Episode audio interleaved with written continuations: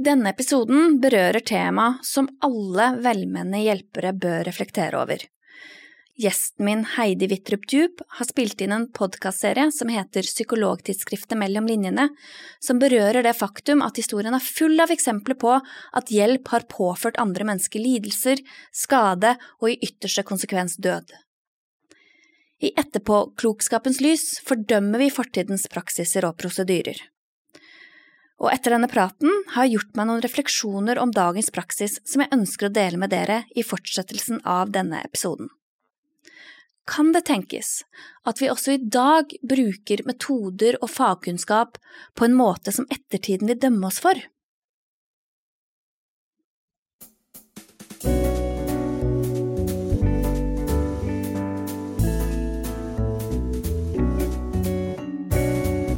Du lytter til Snakk med Silje. Ja, velkommen Heidi Wittrup Djup.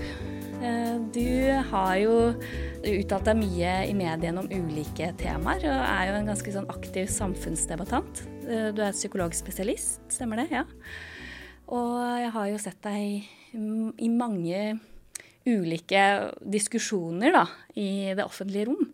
Så det er veldig spennende å få snakke med deg i dag. Eh, du har jo Ja, det, det er tema innen barnevern, innen eh, flyktninghjelp, og, og, så er du jo også del av redak en redaktør i eh, Psykologtidsskriftet. Og har jo uttalt deg om ja, undervisningsfilmer eh, om barn og det er, det er, så mange ting vi kan snakke om, så vi kan jo bare starte et sted. Jeg ønsker å bli litt kjent med deg også, da, som person. Også hvorfor du engasjerer deg i de ulike tingene du engasjerer deg for og sånn. Mm. Så det er litt så vanskelig å vite hvor, hvor skal vi starte, men uh, men vi kunne jo starta litt uh, helt i starten, sånn, hvorfor, du, hvorfor, du, ble psykolog.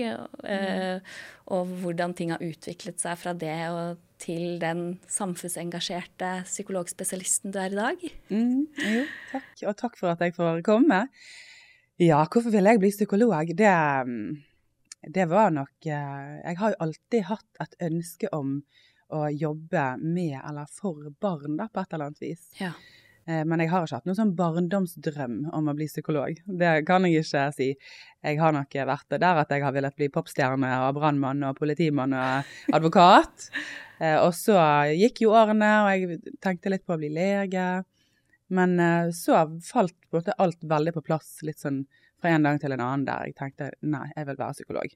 Ja. ja det, men da var jeg blitt ganske Ja, jeg skal ikke si jeg var blitt voksen, men jeg var nå blitt der at jeg skulle begynne å velge et studium, da. Så det var først da det egentlig ble klart for meg. Men, men jeg har hatt én liten sånn barndomsdrøm da parallelt, og det har jo vært å bli barneombud, eller bli Trond-Viggo. Ja. Ja. Eh, som jeg egentlig ville bli. Som jeg skjønte seinere at det går ikke, for det, det, er faktisk ikke det som er barneombudet. Det var en som bekledde den rollen den gangen. Men, eh, men, det har jo på en måte det sammenfaller med mitt ønske om å eh, bidra til at barn skal ha et godt liv, da. Ja. Mm. Um, ja, og det har du jo Du har jo endt med å kunne bidra til det, da. I den uh, posisjonen du har tatt. Så. Ja, jeg har i hvert fall hatt ønske om det. Men jeg begynte faktisk å jobbe etter jeg var ferdig psykolog, så begynte jeg faktisk å jobbe med voksne. Uh, men jeg har alltid hatt ønske om å jobbe med, uh, innenfor traumefeltet på et eller annet vis. Ja. Men jeg begynte min kliniske praksis med, med, voksne. Men jeg merket etter hvert at uansett hvor mye terapi jeg gir, uansett hvor mange folk som kommer inn og ut av dette kontoret, så det slutter aldri. Sant? Eh, og eh, veldig mange av pasientene eh, sant? Noen fortalte jo om mer sånne akutte situasjoner der og da, men veldig mange pasienter fortalte om en vond barndom og, veldig mange livsbelastninger som man i ettertid kan tenke at dette burde jo noen håndtert den gangen så hadde man kanskje ikke trengt å sitte her nå i voksen alder mm. med så mye vansker. Ja. Og det var jo da mer min retning mot å jobbe mer aktivt mot barnevern og komme mye tidligere inn. Det var liksom da jeg begynte å tenke på det. Da. Så da begynte jeg etter hvert å jobbe som sakkyndig for barnevernstjenestene og for domstolene. Eh, og har gjort det liksom parallelt i flere år, da, men, men ved siden av annet type arbeid. Hvordan har det vært, da? Det høres veldig sånn krevende ut å skulle være en som vurderer i sånne saker. Mm, det er veldig krevende. Ja. jeg syns jo barnevern, eh, barnevern er jo, etter min mening, det aller viktigste vi gjør i et samfunn. Sånn, sørge for at barn har det godt. Men det er ikke nødvendigvis barnevernstjenesten som skal ha det ansvaret. Eh, alltid. sant? Noen ganger må de gjøre det. Men at alle tar et ansvar for å sørge for at barn har så gode livsbetingelser som mulig. Da. Mm. Eh, og noen ganger handler det om å styrke arenaene der barn er, sant? barnehager og skoler, eller, eller tjenestene som barn skal benytte seg av, helsestasjon. Men veldig ofte så handler det òg om å styrke foreldrene. Eh, hjelpe foreldre og hjelpe familier. Og der er det mye holdninger og, Mm. og motstand òg, ikke sant. Eh, man begynner gjerne å si sånn at det skal ikke være et foreldrevern. Ja. Jo, men det, det skal vel være det òg, tenker jeg da.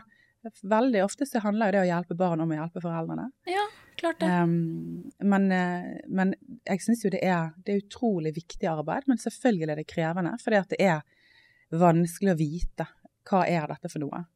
Um, og derfor syns jeg òg at det er ekstremt viktig at man gjør det man kan for å eh, avdekke svikt og feil og mangler i disse systemene. Men òg styrke de så godt man kan, da, sånn at ja, vi får så gode betingelser som mulig for å rett og slett gjøre det barnevernsarbeidet som, som det krever. Men å være sakkyndig inn, inn i det feltet er veldig krevende. Og eh, jeg gjør det aldri uten veiledning og uten å bruke mye tid. Og det er veldig mye læring i hver enkelt sak. da. Jeg er Mm. veldig redd for å gjøre feil. Ja, fordi det kan ha ganske stort skadepotensial, det å gjøre feil også. Fordi Mm. hvis du gjør for mye i en sak hvor foreldrene egentlig um, gir helt OK omsorg, sånn egentlig, så vil det jo eh, selv om den omsorgen ikke er optimal, så vil man jo potensielt kunne utsette barna for mye større traumer ved å ta de ut av familien. Mm. For det i seg selv er jo traumatisk for et barn uansett, på en måte. Mm. Absolutt. Det er så store muligheter for å påføre mer skade enn hjelp. Og så er det store muligheter for å ikke hjelpe der man burde hjelpe. Og det er jo de to grøftene der, sant, der man ikke henter ut et barn eksempel, fra et veldig veldig skadelig og farlig hjem. Det er den ene grøften, og på andre siden så har du at man på en måte gjør det motsatte. da. Mm. Eller man henter ut et barn som burde vært hjemme, og så Mm. får de det mye mye verre under offentlig omsorg. Og så er det masse masse, masse mellom de to fallgruvene. Og det er så komplisert. Og det å eh, måtte problematisere har vi nok kunnskap, har vi nok kompetanse, har vi nok forskning, har vi nok evidens for å kunne si det ene og det andre. sant? Da, da blir det jo mye følelser, sant? for da høres det ut som man anklager enkeltpersoner for å ikke være god i jobben sin. Men det er jo ikke det det handler om. Det handler om at vi må ha en refleksjon rundt i hvor stor grad vi klarer å skape det systemet som vi ønsker å ha. Og det, jeg tror det er ganske stor avstand mellom ønsket vårt her og på en måte det som er realiteten. Mm. Og da blir det jo ekstra viktig at vi har gode kontrollmekanismer som gjør at hvis jeg gjør en feil jobb eller noe galt, så blir det oppdaget. Og jeg stoler ikke nok på de kontrollmekanismene heller, jeg da, til at, uh, at jeg føler meg trygg på det. At når en sak da fremmes til fylkesnemnda, som det het før, men som nå heter helse- og barnevernsnemnda, når man da fremmer den saken for omsorgsovertakelse f.eks., så, så er det en utrolig vanskelig jobb å skulle vurdere den saken godt i nemnda. Og så har man jo ankemuligheter. sant? Man kan klage saken inn til tingretten og til lagmannsretten og Høyesterett for den del, og til og med Den europeiske menneskerettighetsdomstol noen ganger. Men vi ser jo det, at det gjøres feil. Mm. Um, så det, det er klart at ja, veldig, veldig krevende arbeid og veldig viktig. Mm. Ja, men du har jo uttalt deg litt offentlig også om eh, måten barnevernet Litt sånn kritikk av måten systemet fungerer, da. Og du kritiserer jo da et system, og ikke enkeltpersoner som jobber i det systemet. Men du har jo på en måte blitt litt angrepet for å ha uttalt deg om disse tingene. Vil du liksom si litt mer om dine erfaringer knytta til det? Ja, altså, og, og erfaringene mine er jo òg noe som jeg lærer litt av òg. For jeg, jeg er jo på en måte enig i det du sier, at jeg har jo ment å kritisere et system. Men så har jeg nok undervurdert at det er ikke et system som sitter og leser BT. Eh, sant? Det er jo personer som jobber i dette feltet. Og det, det er så utrolig variert hvem som jobber i dette her òg, sant. Og noen jeg har, jeg har jo heldigvis møtt veldig veldig mange som jobber i barnevernet, som er helt fantastiske. Og som virkelig gir god hjelp til familier, støtter foreldre, støtter barn. er klar og tydelig overfor hva dette barnet trenger for å ha det bra. Men som også klarer å være helt klokkeklar de gangene det er nødvendig med omsorgsovertakelse, f.eks. Mm. Klare å stå i den konflikten som det blir. Eh, Så jeg har jo møtt fantastiske mennesker der. Men jeg har jo også, om ikke så veldig direkte selv, så har jeg jo kjennskap til folk også i de systemene som kanskje ikke er så veldig godt egnet. sant? Og det er jo sant i alle sammenhenger. Ja, ja. Det finnes jo psykologer òg som Mm. er helt glimrende, men det finnes jo selvfølgelig psykologer som kanskje burde fått seg noe annet å gjøre, eller jobbe på en litt annen måte. Sant? Sånn, Mm. sånn er det jo, vi er jo bare mennesker. Så jeg har nok undervurdert måte, hvilken eh, negativ kraft en kronikk egentlig kan slå inn med, der, selv om jeg ikke mener å ta for meg enkeltpersoner. Mm. Um, men jeg har nok òg endret litt sånn òg hva jeg kritiserer. For jeg, jeg har sett noen ganske stygge saker der jeg mener at det har blitt begått veldig stor urett overfor familier fra de systemene som egentlig skal være til hjelp. Ja. Og det, det gjør jo meg emosjonelt opprørt òg. Selvfølgelig. Og da har jeg kanskje blitt Jeg har kanskje tenkt på noen spesifikke personer eller spesifikke saker når jeg da har skrevet. Og så har på en måte det har vært mer sånn følelser i det enn det det kanskje har blitt seinere, når jeg skjønner kanskje mer at det viktige her er jo ikke å eh, kritisere nødvendigvis bare barnevernstjenesten? Men, men hele systemet rundt. Sant? At Ehm, altså både skoler og, og barnehager og helsestasjoner og psykologer og ene med den andre som ikke f.eks. For forstår når meldeplikten er utløst og når den ikke er det. Eh, det eh, folk som burde gjort jobben sin, men som istedenfor bare sender den inn til barnevernet. Mm. Som, på som ikke kan på samme måte bare sende den et eller annet sted. Eh, sant? Så, eh, det tenker jeg òg at der må det også fremmes noe kritikk. Sant? At vi driver og skufler eh, all slags elendighet over til barnevernet, når det ikke er på deres bord alt dette skal ligge. da. Det er jo en urett igjen for barna og familiene som da ikke får den hjelpen de skal ha. Men det er jo også, tenker jeg, veldig alvorlig overfor barnevernet, som, som allerede er kjempepresset. Og for, de holder på med så mye saker som de ikke skulle hatt i det hele tatt, som bare blir henlagt. Men det tar veldig mye tid. Men hva tenker du om det at, eh, at man uh, har en tanke om at jo, men det er bedre å melde en gang for mye enn en gang for lite? Ja, og dette er sånne uh, utsagn som på en måte fester seg i samfunnet. Mm. Um, og så stiller vi ikke spørsmål ved det, sant. For det høres egentlig rett ut, sant. Ja, det er bedre å sjekke en gang for mye enn en gang for lite. Sant? Og det er jo ofte sant hvis du f.eks. skal ut og fly et fly. Mm. Så er det jo greit å sjekke en ekstra gang liksom, at de hjulene faktisk er fastmontert. Her avslører min ganske lave flykompetanse, da, som ikke klarer å komme med noe annet eksempel enn det. Men likevel, sant? Altså, det er klart at noen ganger kan det være bra å sjekke en gang for mye enn en gang for lite, for det har ikke noen negative konsekvenser å sjekke. Men det har det jo i barnevernet. For, for alle parter. Sant? Og det å melde masse, masse, masse, masse innebærer jo ikke at vi oppdager de som faktisk trenger hjelp. Tvert imot, mener jeg, da, fordi at vi belaster systemet som gjør at de blir sittende og måtte håndtere saker som aldri skulle kommet deres vei.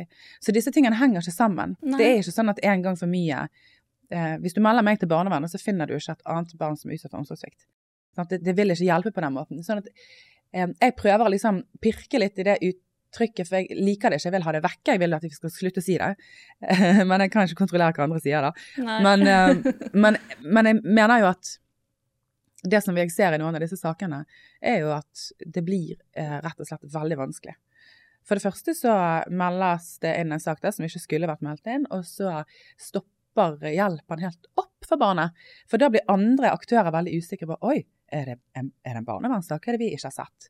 Og så venter de, for det er ingen som vil gjøre noe, for nå skal barnevernet få gjøre jobben sin før vi gjør noe mer, så da blir alle bare stående og vente. Eh, de som burde gjort noe, burde tilrettelagt på skolen f.eks., eller grepet fatt i mobbingen, eller, eller veiledet den eller den, de gjør ingenting, for de vil vente. Em, og, og man begynner kanskje å leite etter noe som man ikke trodde var der. Sant? For hvis det er en barnevernssak, hva er det jeg ikke har sett? Så begynner de å tenke, men kanskje eh, var det det? Så blir folk usikre og begynner å problematisere og lete etter problemer mer enn å lete etter muligheter og hjelp og ressurser. Sant? Så det, står på, og det går jo utover barnet. Ja. Foreldrene blir veldig stresset. De blir jo livredde ofte. Av og til ikke, men foreldre blir veldig ofte redde, selv om de har på en måte rent mel i posen i hermetegn. Jo, jo, men- Jeg ville også blitt det. Mm. Ja, for det er jo litt det at hvis du vet at folk leter etter feil med meg som Mm. forelder, så vil du jo alltid kunne finne noe. På en måte. Hvis, hvis man er i den derre eh, confirmation bias på et vis. At, Mm. at man søker å bekrefte sine hypoteser om at her er det eh, omsorgsproblemer, her er det et eller annet som ikke er bra. Og så, som du sier, og andre aktører blir jo litt sånn usikre kanskje da, og vil på en måte tenke at nei, nei, men nå, nå er- det barnevernet sitt ansvar. Nå er det de der saken ligger, så nå får de årene opp. Og så ender det med at du da blir veldig passiv, da. Um, og det er jo på ingen måte til hjelp for barnet eller den familien. Det er ikke det. Og når jeg sier disse tingene, så er det av og til noen som tror at jeg egentlig bare er kritisk til barnevernet. Men, men det, det, det er jo ikke det. Jeg, jeg sier ikke det i det hele tatt. Jeg er Nei. ikke kritisk, jo, jeg er jo det òg, men, men det er ikke det dette handler om. Nei. Dette med meldeplikt og når man skal gjøre det og ikke gjøre det. For det handler rett og slett om hvem er det som egentlig bør gjøre noe i denne saken. sant? Um, og bare det å spørre sånn, man, har, man fatter en mistanke om et eller annet. Veldig ofte så bør du jo snakke med foreldrene om det. Eller barnet for den del, eller finne mer ut av det selv. Så er det jo selvfølgelig noen ganger man ikke skal involvere barna i den, nei, foreldrene i den beslutningsprosessen. Da. Noen ganger må man jo bare melde. Er meldeplikten utløst, så skal du gjøre det òg. Mm. Men jeg tror noen ganger så, så skjer det mye eh, feil, fordi at eh, når saken ikke blir meldt i det hele tatt, hvis den meldes av en person med taushetsplikt, så er jo egentlig kravene i loven så strenge at hvis jeg da som psykolog med taushetsplikt melder eh, til barnevernet, så er det fordi jeg har grunn til å tro at det er veldig alvorlig. Jeg har grunn til å tro at barnet utsettes for, eller vil bli utsatt for, alvorlig omsorgssvikt. Mishandling, overgrep eller um, alvorlige mangler i den daglige omsorgen Mm. det er kjempealvorlig, da er det viktig at barnevernet går inn og undersøker. Jeg skal jo ikke vite det, det er ikke jeg som skal undersøke det, jeg, men jeg har grunn til å tro det. Kjempeviktig at barnevernet da går inn. Og siden det er så strenge vilkår i loven, så eh, vil de nesten alltid åpne undersøkelse. De må jo ikke, de kan jo henlegge bare der og da, men, men det gjør de nesten aldri nettopp fordi at oi, her er det en med taushetsplikt som har satt taushetsplikten sin, til side. Jøss, da er det alvorlig, for man driver ikke og setter taushetsplikten sin til side helt uten grunn. Og da skal de gå inn. sant? Men hvis vi da begynner å melde uten at vilkårene i loven er oppfylt, uten at det er alvorlig, der vi tenker at eh, det er kanskje ikke helt optimalt der hjemme nå, eller kanskje foreldrene skulle hatt litt veiledning, eller uff, jeg har litt dårlig magefølelse. Det, disse tingene står ikke i loven. at Det, det er ikke godt nok. da. Det er, ikke, det er ikke en god nok begrunnelse for å melde. Um, har du en dårlig magefølelse, så kan det være riktig. Det kan godt hende at dette her bør ende med en melding, men du må like, da må du gjøre en ekstra jobb. Du må klare å verbalisere den magefølelsen. Du må klare å diskutere med kollegene. Du må finne mer ut av det før du faktisk gjør det. da. Mm. Eh, For hvis vi driver og har Hvis vi på en måte utvanner eh, taushetsplikten vår, så, så vil jo folk miste tillit til oss. Og ikke kunne stole på oss. Da vil de jo ikke søke oss for hjelp og støtte når de faktisk trenger det heller. Det er kjempeviktig det du sier der, for jeg har jo hatt folk inne hos meg som har vært litt sånn engstelige. Ja, du, du kommer ikke til å melde til barnevernet nå.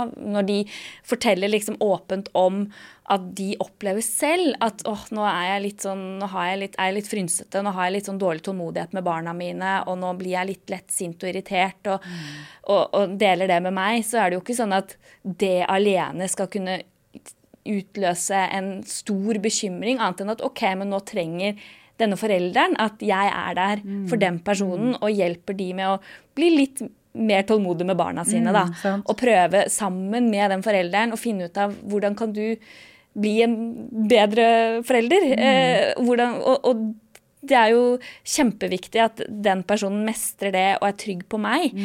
Og, og, jeg har jo, og når jeg har meldt, så har jo det vært i samarbeid med foreldre. Da har jeg sagt det til den det gjelder, og sier at vet du hva, nå er jeg faktisk veldig bekymra. Jeg blir litt, jeg tenker at her, her, her må, må jeg involvere barnevernet for å være sikker på at dette, dette kommer til å gå bra. Og da har de egentlig vært litt sånn enige. De tenker at ja, men jeg trenger hjelp, dette her går ikke bra.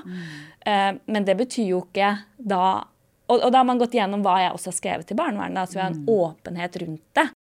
Fordi det skal være ganske alvorlig hvis du skal gjøre det uten å gi beskjed til den det gjelder. Da skal det jo være sånn at du nesten tenker at det kommer til å gå verre utover barna eh, hvis de får vite at du sender en melding, og at, at det skal, de skal komme helt uanmeldt. Det er jo ekstremt sjeldne tilfeller hvor det er nødvendig å, å ta den veien. Men folk flest, foreldre, blir jo engstelige for at du skal melde uten at de vet noe, og så Mm. plutselig får det barnevern på døra. Og det er jo ganske det, Og det kan jo gjøre at man faktisk ikke forteller om de situasjonene hvor de selv ikke opplever seg som en god forelder selv, og kanskje er mindre åpne med oss eh, psykologer om de problemene som vi kan hjelpe dem med uten å melde til barnevernet. Ja, for hvem er det som skal stille opp? Sant? Og når man betror seg til psykologen sin om ting som er vanskelig hjemme, eh, så, så er det jo ofte at, måte et ønske om at du skal hjelpe meg å finne ut av dette. Sant? Og hvis Mm. vi um, blir litt for sånn, hva skal jeg si, triggerhappy, da, det er kanskje ikke det beste ordet, på å melde av gårde, så, så tenker jeg det, det handler litt om ansvarsfraskrivelse, sånn som jeg selv da. Mm. At da blir du stresset som Mm. psykolog, og så slipper du saken.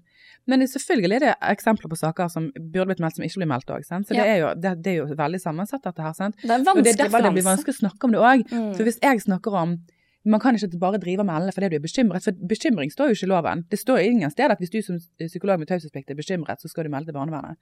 Det står at du skal ha grunn til å tro at barn utsettes for noe alvorlig. Det er noen flere unntak også, da, men bekymring er jo en subjektiv følelse. Men du kan gjerne være bekymret, og det er vondt å være det. Det er vondt å være bekymret for et barn og ikke helt liksom vite hvordan går dette her egentlig. Men den bekymringen kan man jo avhjelpe på andre måter enn noen ganger også. Ellers må man undersøke litt i seg selv og snakke med kolleger og snakke mer med de det gjelder. Og finne ut hva den bekymringen egentlig handler om. Um, for det kan jo hende det er helt andre helt annen hjelp og støtte som skal inn også, sant. Eh, Men det er klart at når jeg sier disse tingene, så er det kanskje en som hører på nå, da, som tenker på en sak der det er helt forferdelig, sant. Um, og der det ikke ble meldt, eller det ble ikke tatt på alvor. Sant? For jeg har jo sett de sakene òg, for jeg jobber jo også som sakkyndig for voksne som har tatt ut søksmål mot Altså som, som tapt barndomssøksmål, da, der kommunen eller barnevernet ikke grep inn. Og der de levde i forferdelige barndommer. I år ut og år inn. Og folk visste, og folk meldte, men de gjorde ingenting. Eller skolene skrev ned i loggen sin, eller BUP noterte sånn og sånn. Det ble ikke gjort noe, da. Mm. De får jo ofte store erstatningssummer også, for det er så alvorlig svikt. Og mange av de også, sant. Det er så mange steder man kunne grepet inn og gjort noe. Ja. Sant? Så man kan jo se hvilke liv som faller i grus når man ikke gjør noe òg, da. Men det som jeg syns er litt fint, da, det at barnevernet av og til er, er veldig gode til å se, måte sette grenser for seg selv.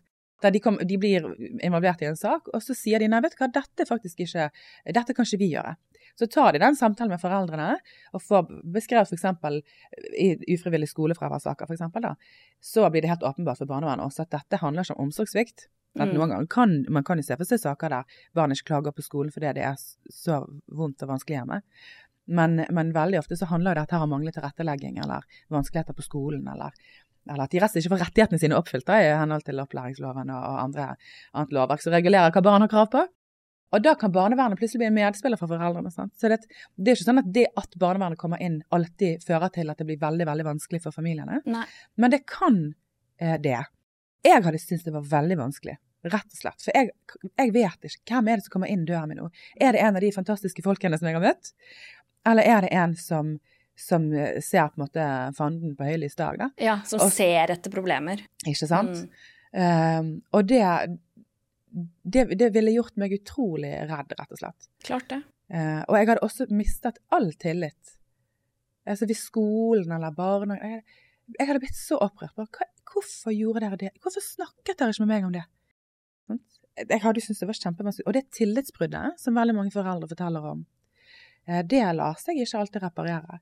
Og barna, de vet òg at dette blir skummelt. Sant? Veldig mange barn blir jo livredde.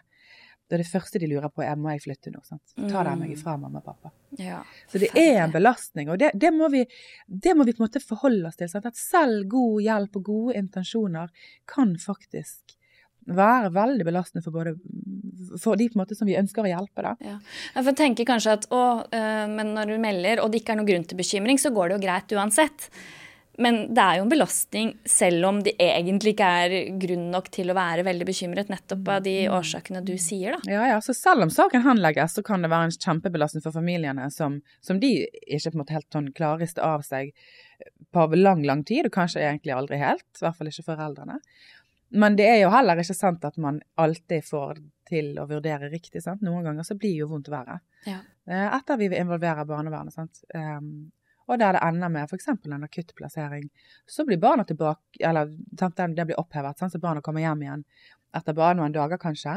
Men hva har skjedd imellom? Altså, sant? Mm. For et traume. Jeg vet ikke Jeg kan ikke tenke meg noe verre enn å våkne tidlig om morgenen. Jeg kan tenke meg noen verre ting, men likevel, det er helt på høyden der. Mm. Der jeg våkner om morgenen, av og til gjerne politiet òg, er på døren og henter ungene mine. og Jeg får ikke vite hvor de er. Jeg får ikke vite når jeg får snakke med dem igjen. Jeg får ikke vite helt hvorfor. Jeg får ikke vite når jeg får dem tilbake igjen. Jeg blir ikke hørt. Jeg, den desperasjonen. Mm. Og så eh, hvordan, er det, hvordan har barna mine nå? Hvem er de hos? Blir de ivaretatt? Griner de? Savner de meg? Spør de etter meg? Hva gjør de på? Sånn, Og jeg ammer jo, sant. Skal jeg sitte der da og pumpe og fjerne brystspreng? Og lure på hvor, hvor, er, hvor er det dette her i andre enden? Sant? Så Ja. forferdelig. Ja. Så, så, vi må jo vite at disse tingene er jo også noe av det som kan skje. Da. Det er jo nettopp derfor vi, vi må snakke om det. Da. At ja, det er veldig, veldig viktig arbeid som gjøres. Og barnevernet de redder liv, og de hjelper familier. Det er så mange historier på at folk har fått det mye, mye bedre. Men så er det òg historier om at det har gått skikkelig gale. Og så er ikke det da meningen å fordele masse feil og skyld, men, men å snakke om hva er det som gjør at det skjer. Og kan vi klare å identifisere noen risikofaktorer eller noen mekanismer som slår inn, som øker risikoen for at det skjer, sånn at vi klarer på en måte å, å unngå det, da, eller i hvert fall forhindre det så langt det lar seg gjøre. Men, så, men vi kommer til å gjøre feil. Vi kommer til å gjøre feil i begge grøfter. Sant? Det er helt umulig. Eh, Vi, og vi kan ikke kontrollere alle familier eh, sånn for å sjekke om kanskje vi finner en ekstra familie der det skjer omsorgssvikt. Og selv om vi kontrollerer en familie, så kan vi komme hjem, så ser alt helt topp ut. Mm. Og så er ikke det sånn i det hele tatt. Dette er bare en familie som har så mye ja, Barna er under et sånt kontrollregime at de Og de har lært seg å late som at alt går fint. Og, ja. Så du, Mm. selv om du går hjem og kontrollerer, så kan du fortsatt unnlate å oppdage at her er det veldig alvorlig. Men så bra at du prøver å få frem den hva skal jeg si, debatten, da. Eller prøver å, å problematisere de tingene som man kan gjøre noe med, da. Sånn at man kan optimalisere eller forbedre systemet. For det er jo et system som, som selvfølgelig ikke er perfekt. Og så må vi jo perfeksjonere det så godt det lar seg gjøre. Og da er det så viktig å snakke om disse tingene, da. Uten å kritisere enkeltpersoner i barnevernet, men snakke om ja, men hva skal til for å melde en sak, da? Hva skal til? Holder det at jeg har en dårlig magefølelse og en bekymring? Nei, det gjør ikke det. det, det må, du må ha noen form for indikasjon på at her skjer det noe ganske alvorlig, før du kan som helsepersonell bryte taushetsplikten og melde ifra om at her er det noe som, som er så alvorlig at dette må sjekkes ut. Ja, og har du ikke taushetsplikt, er du en eller annen nabo eller en eller annen sånn uh, hvem som helst, si, så kan, kan, du- kan du bare melde så mye du vil, si. Det er ikke et lovverk som, som regulerer det, da. Men har du taushetsplikt, så, så, så må vi jo se det vi gjør opp mot et lovverk. Og så må vi også vurdere måte, slagsiden av det vi gjør. Ja. Eh, Og jeg tror ikke det er alltid barnevernet som skal eh, inn heller, og at de er ikke alltid så godt posisjonert heller. Men selvfølgelig, en annen risiko er at man ikke melder når meldeplikten er utløst. Ja.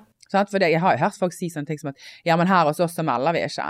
Som om det er på en måte et, eh, en god claim to fame. Sant? Altså, Nei, du, det- du, du må jo det. Du skal jo det. Du, kanskje, dette er jo ikke på en måte en veileder eller liksom her kan du bruke melde hvis det passer. Altså, er meldeplikten utløst, så er det et lovpålegg. Du Mm. skal melde. Mm. Ellers så kan jo det òg få store konsekvenser.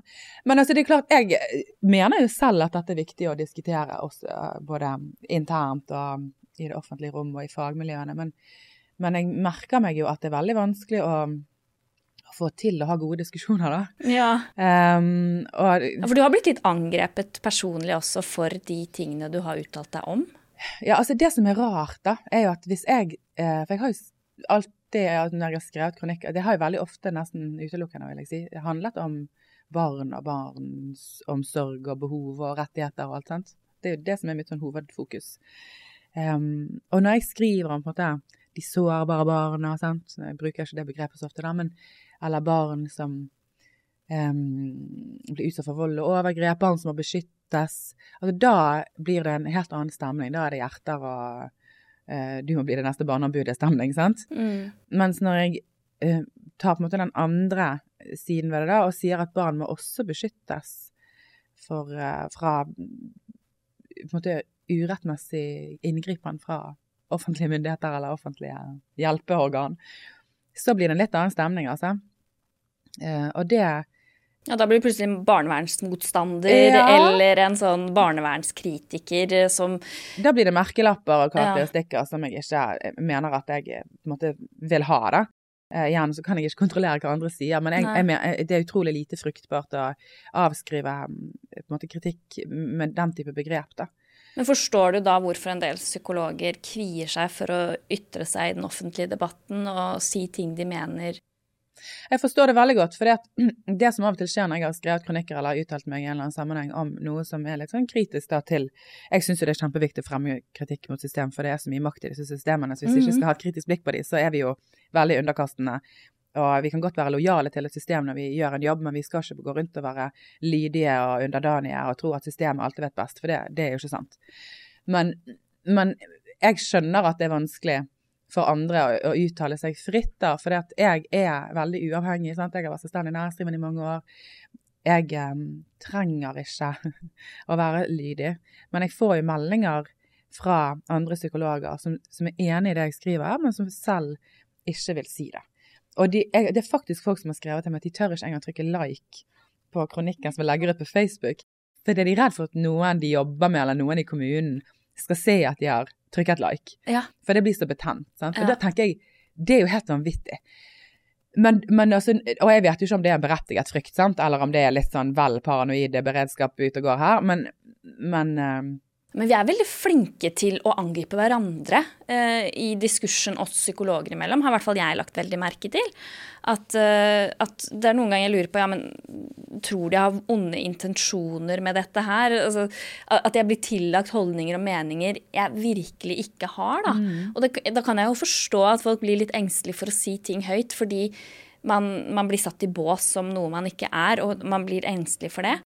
Um, men det som er faren, er jo at vi får en illusjon om at folk er mer enige enn det de egentlig er. Ja, og det kan jo komme med en kostnad i den forstand at det får konsekvenser for deg. sant? Det, det er jo, Jeg skulle gjerne sagt at det ikke var sånn, men, men sånn er det jo. Men for meg har ikke de konsekvensene hatt så mye å si, fordi at jeg trenger det på en måte. ikke sant? Altså, Jeg vet jo at, eh, at det har vært enkelte Jeg fikk jo tilsendt et lydopptak eh, fra et barnevernskontor der det var en veldig fortvilet mamma som ønsket at jeg skulle komme inn i saken, ikke som sakkyndig, men som støtteperson for hennes datter. Mm.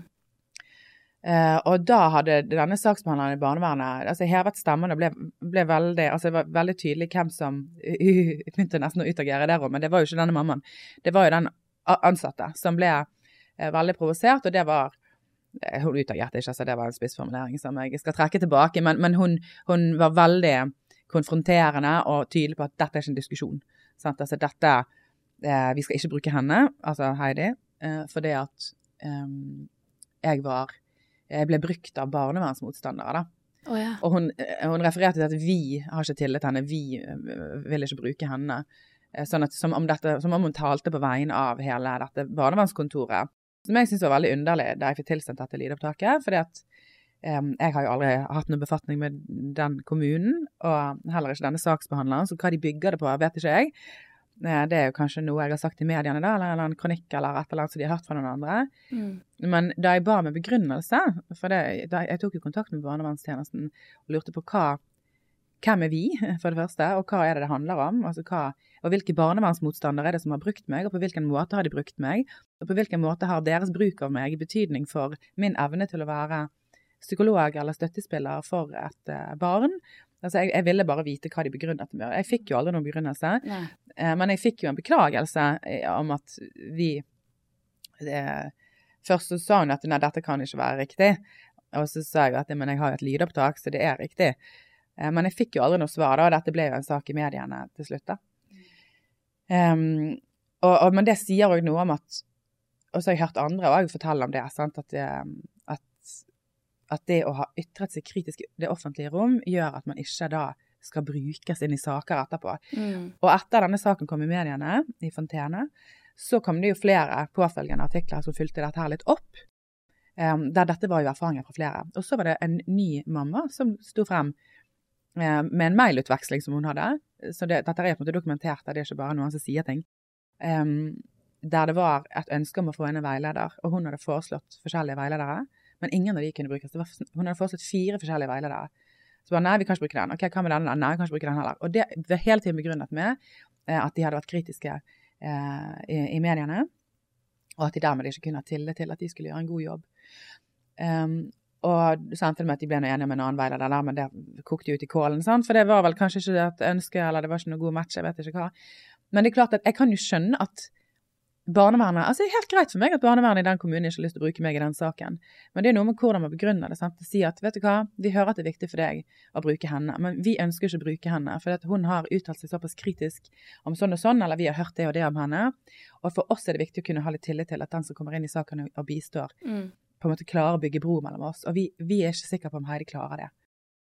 Da hadde det vært en mye bedre begrunnelse, da. Mm. Men det er jo òg veldig stor forskjell på hva jeg sier i det offentlige rom, og hva jeg sier inn i sakene. For det, det er klart at eh, når jeg er inne i saker, så kan du selvfølgelig av og til kritisere ting der og da. Men det må jo være mulig, for det er jo tross alt barns helse og liv det som står på spill her, da.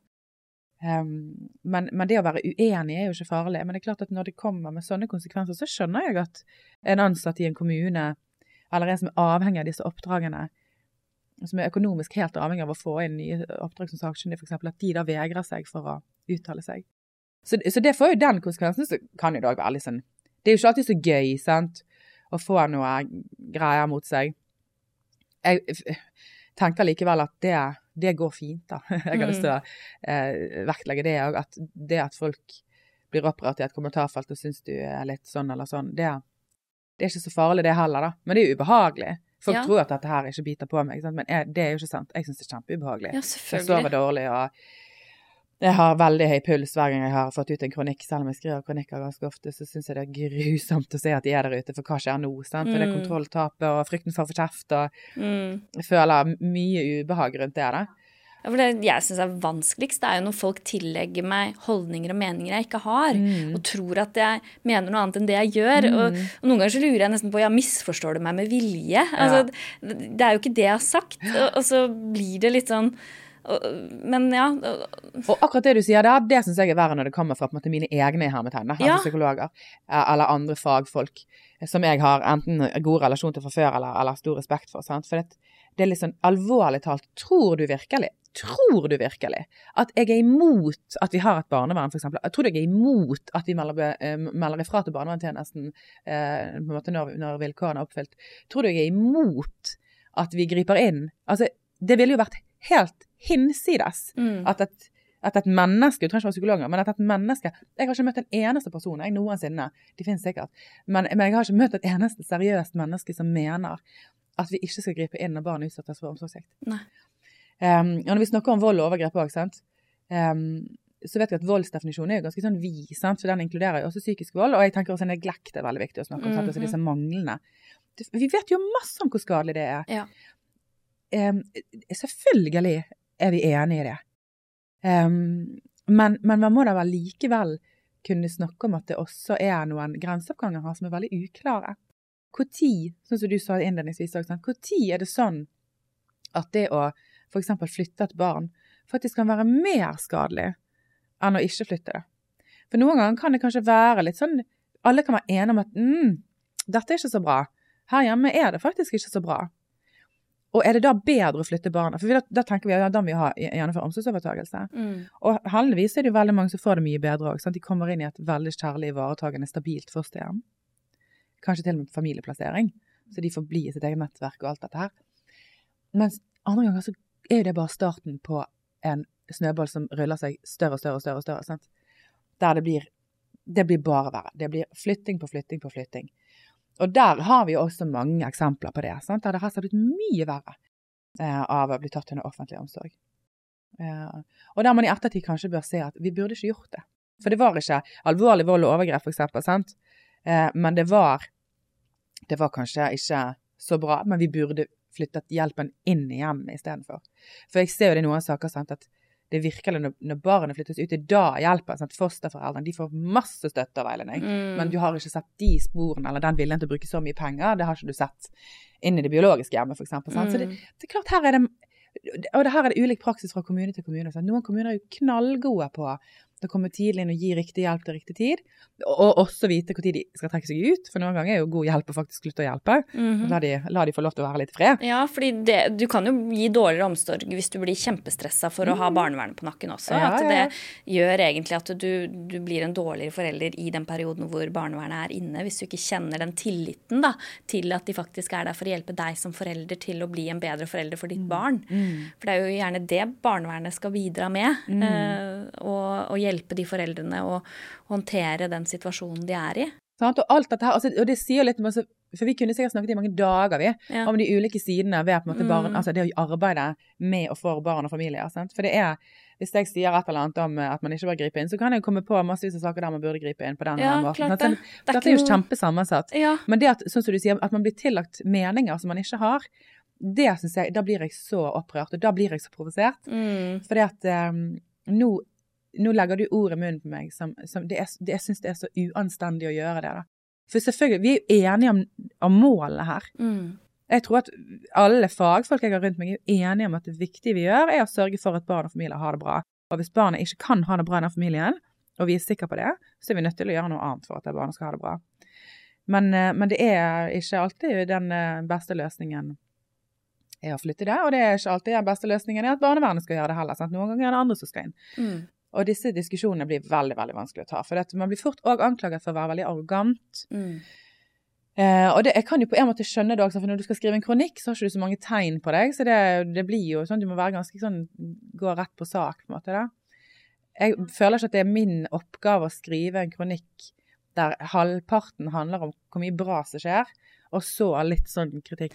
Ja, det det Altså, jeg legger til grunn at veldig mye er bra. Ja, Um, ja, for det er det som er litt fascinerende også, fordi, og det har jeg opplevd i del sammenhenger også, at du føler at du må bruke halve tiden på å validere alt som er fint og ok, og hvor bra det er, og hvor viktig det er, og, og sånt, før du kan komme med noe eh, kritisk, da, eh, for at folk skal vite med sikkerhet at jo, jo, men hun er jo velmenende. Er sånn. og, og, men du har jo vært i en annen, du har jo vært i flere diskusjoner. Det var jo altså en sånn film eh, som eh, ble laget eh, for å vise Det var Var det barnehagen eller var det på skolen? Hvor gamle var disse skulle Det skulle vises i første og fjerde, og Ja. kanskje til og med høyere opp òg. Mm. Ja, så det var jo da Landsgruppen for helsesykepleiere som hadde fått midler fra Ekstrastiftelsen. Eller DAM heter det kanskje nå. Um, I hvert fall en stiftelse som gir ut penger til gode prosjekt. Mm. Uh, og i samarbeid med Det var jo mange som var involvert i det arbeidet. Sant? Bodø kommune ble nevnt. RVTS Nord. Um, Kripos. Uh, ja, hva enn flere? Statens barnehus, Forandringsfabrikken. Det var vel noe foreldreutvalg involvert. Så det var ganske mange aktører inne da. Og så ble denne filmen lansert og skulle da begynne å bli vist eh, fra og med denne høsten, da, blant annet i første klasser. Eh, og så var det et veiledningshefte som fulgte med, som man skulle da snakke om, om filmen med barna i klassen. Og dette var det da helsesykepleier, sikkert i samarbeid med lærer, da, som skulle gjennomføre. Og da jeg så den filmen, så, så mente jeg at dette, dette er ikke lurt. Mm. Denne filmen er, den kommer til å skape masse forvirring. Den er både altfor avansert, men også altfor enkel. Altså det, det var liksom Det var en eh, Ja, innholdet i den filmen Jeg trenger kanskje ikke gå veldig inn på det. Den filmen er jo trukket.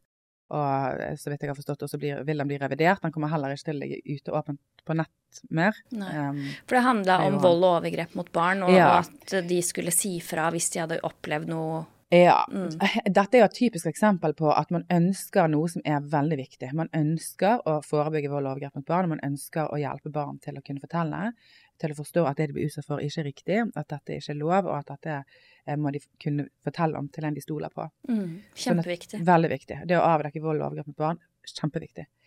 Um, forhindre det, forebygge det, gripe inn, reparere det de gangene det har skjedd. Altså, dette er så ekstremt viktig. Da. Eh, og dette var jo det jeg Litt det som var på en måte min eh, på måte, Mitt ønske da jeg begynte å jobbe med barn, og egentlig som psykolog òg. For jeg ser de jo som voksne, og hvor utrolig skadet mange av de har blitt. Ikke alle. Man kan jo også leve gode liv selv om de har hatt forferdelige barndomserfaringer. Men det er veldig, veldig viktig arbeid. Så jeg delte jo intensjonen med filmen. Syns det var viktig. Det finnes jo en del filmer allerede som er blitt prøvd ut og evaluert og forsket på og tilpasset og i det hele tatt. Der man har et program som går over tid. Sant? Så det er jo ikke noe tvil om at dette var viktig, men det var måten dette ble gjort på i den filmen, da, som jeg tenkte ikke var klok. Mm. Um, og så spurte jeg noen andre kolleger om de kunne se på den, og de også ble jo veldig urolige for hvordan den filmen var laget og satt sammen. Uh, og da skrev jo vi nettopp fordi det var så mange involvert, og fordi den lå offentlig, altså den lå ute på YouTube, og den skulle rulles ut eh, i førsteklassene. Um, nettopp derfor så er jo det et offentlig anliggende, tenker jeg, å snakke ja. om det i det offentlige rom. Sant? For det gjelder jo Det er utrolig mange fagfolk som eh, bør være med i en sånn diskusjon, tenker jeg. Og så bør mm. også foreldre eh, være involvert i dette. Jeg syns jo at det er viktig at vi vet hva som vises Klart. rundt omkring, og at det ikke er nødvendigvis enighet om at det var så lurt å vise akkurat det der. Um, og det skapte jo eh, masse reaksjoner. Og, og, og, jeg er kanskje litt vel naiv til å ha vært i en del debatter, så bør jeg kanskje forutse at disse tingene skjer. Da. Men jeg var helt uforberedt på eh, hva slags eh, uro som skulle komme i stølvannet av den kronikken.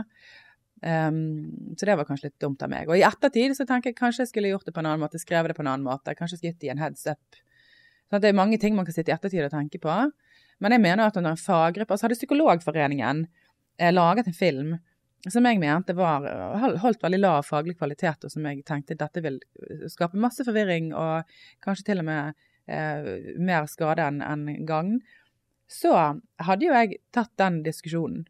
Ja, du føler et ansvar for å gi beskjed når du ser at ok, dette her skaper så mye etterarbeid eh, som kan bidra til at, eh, at um, det kan være skadelig for barna.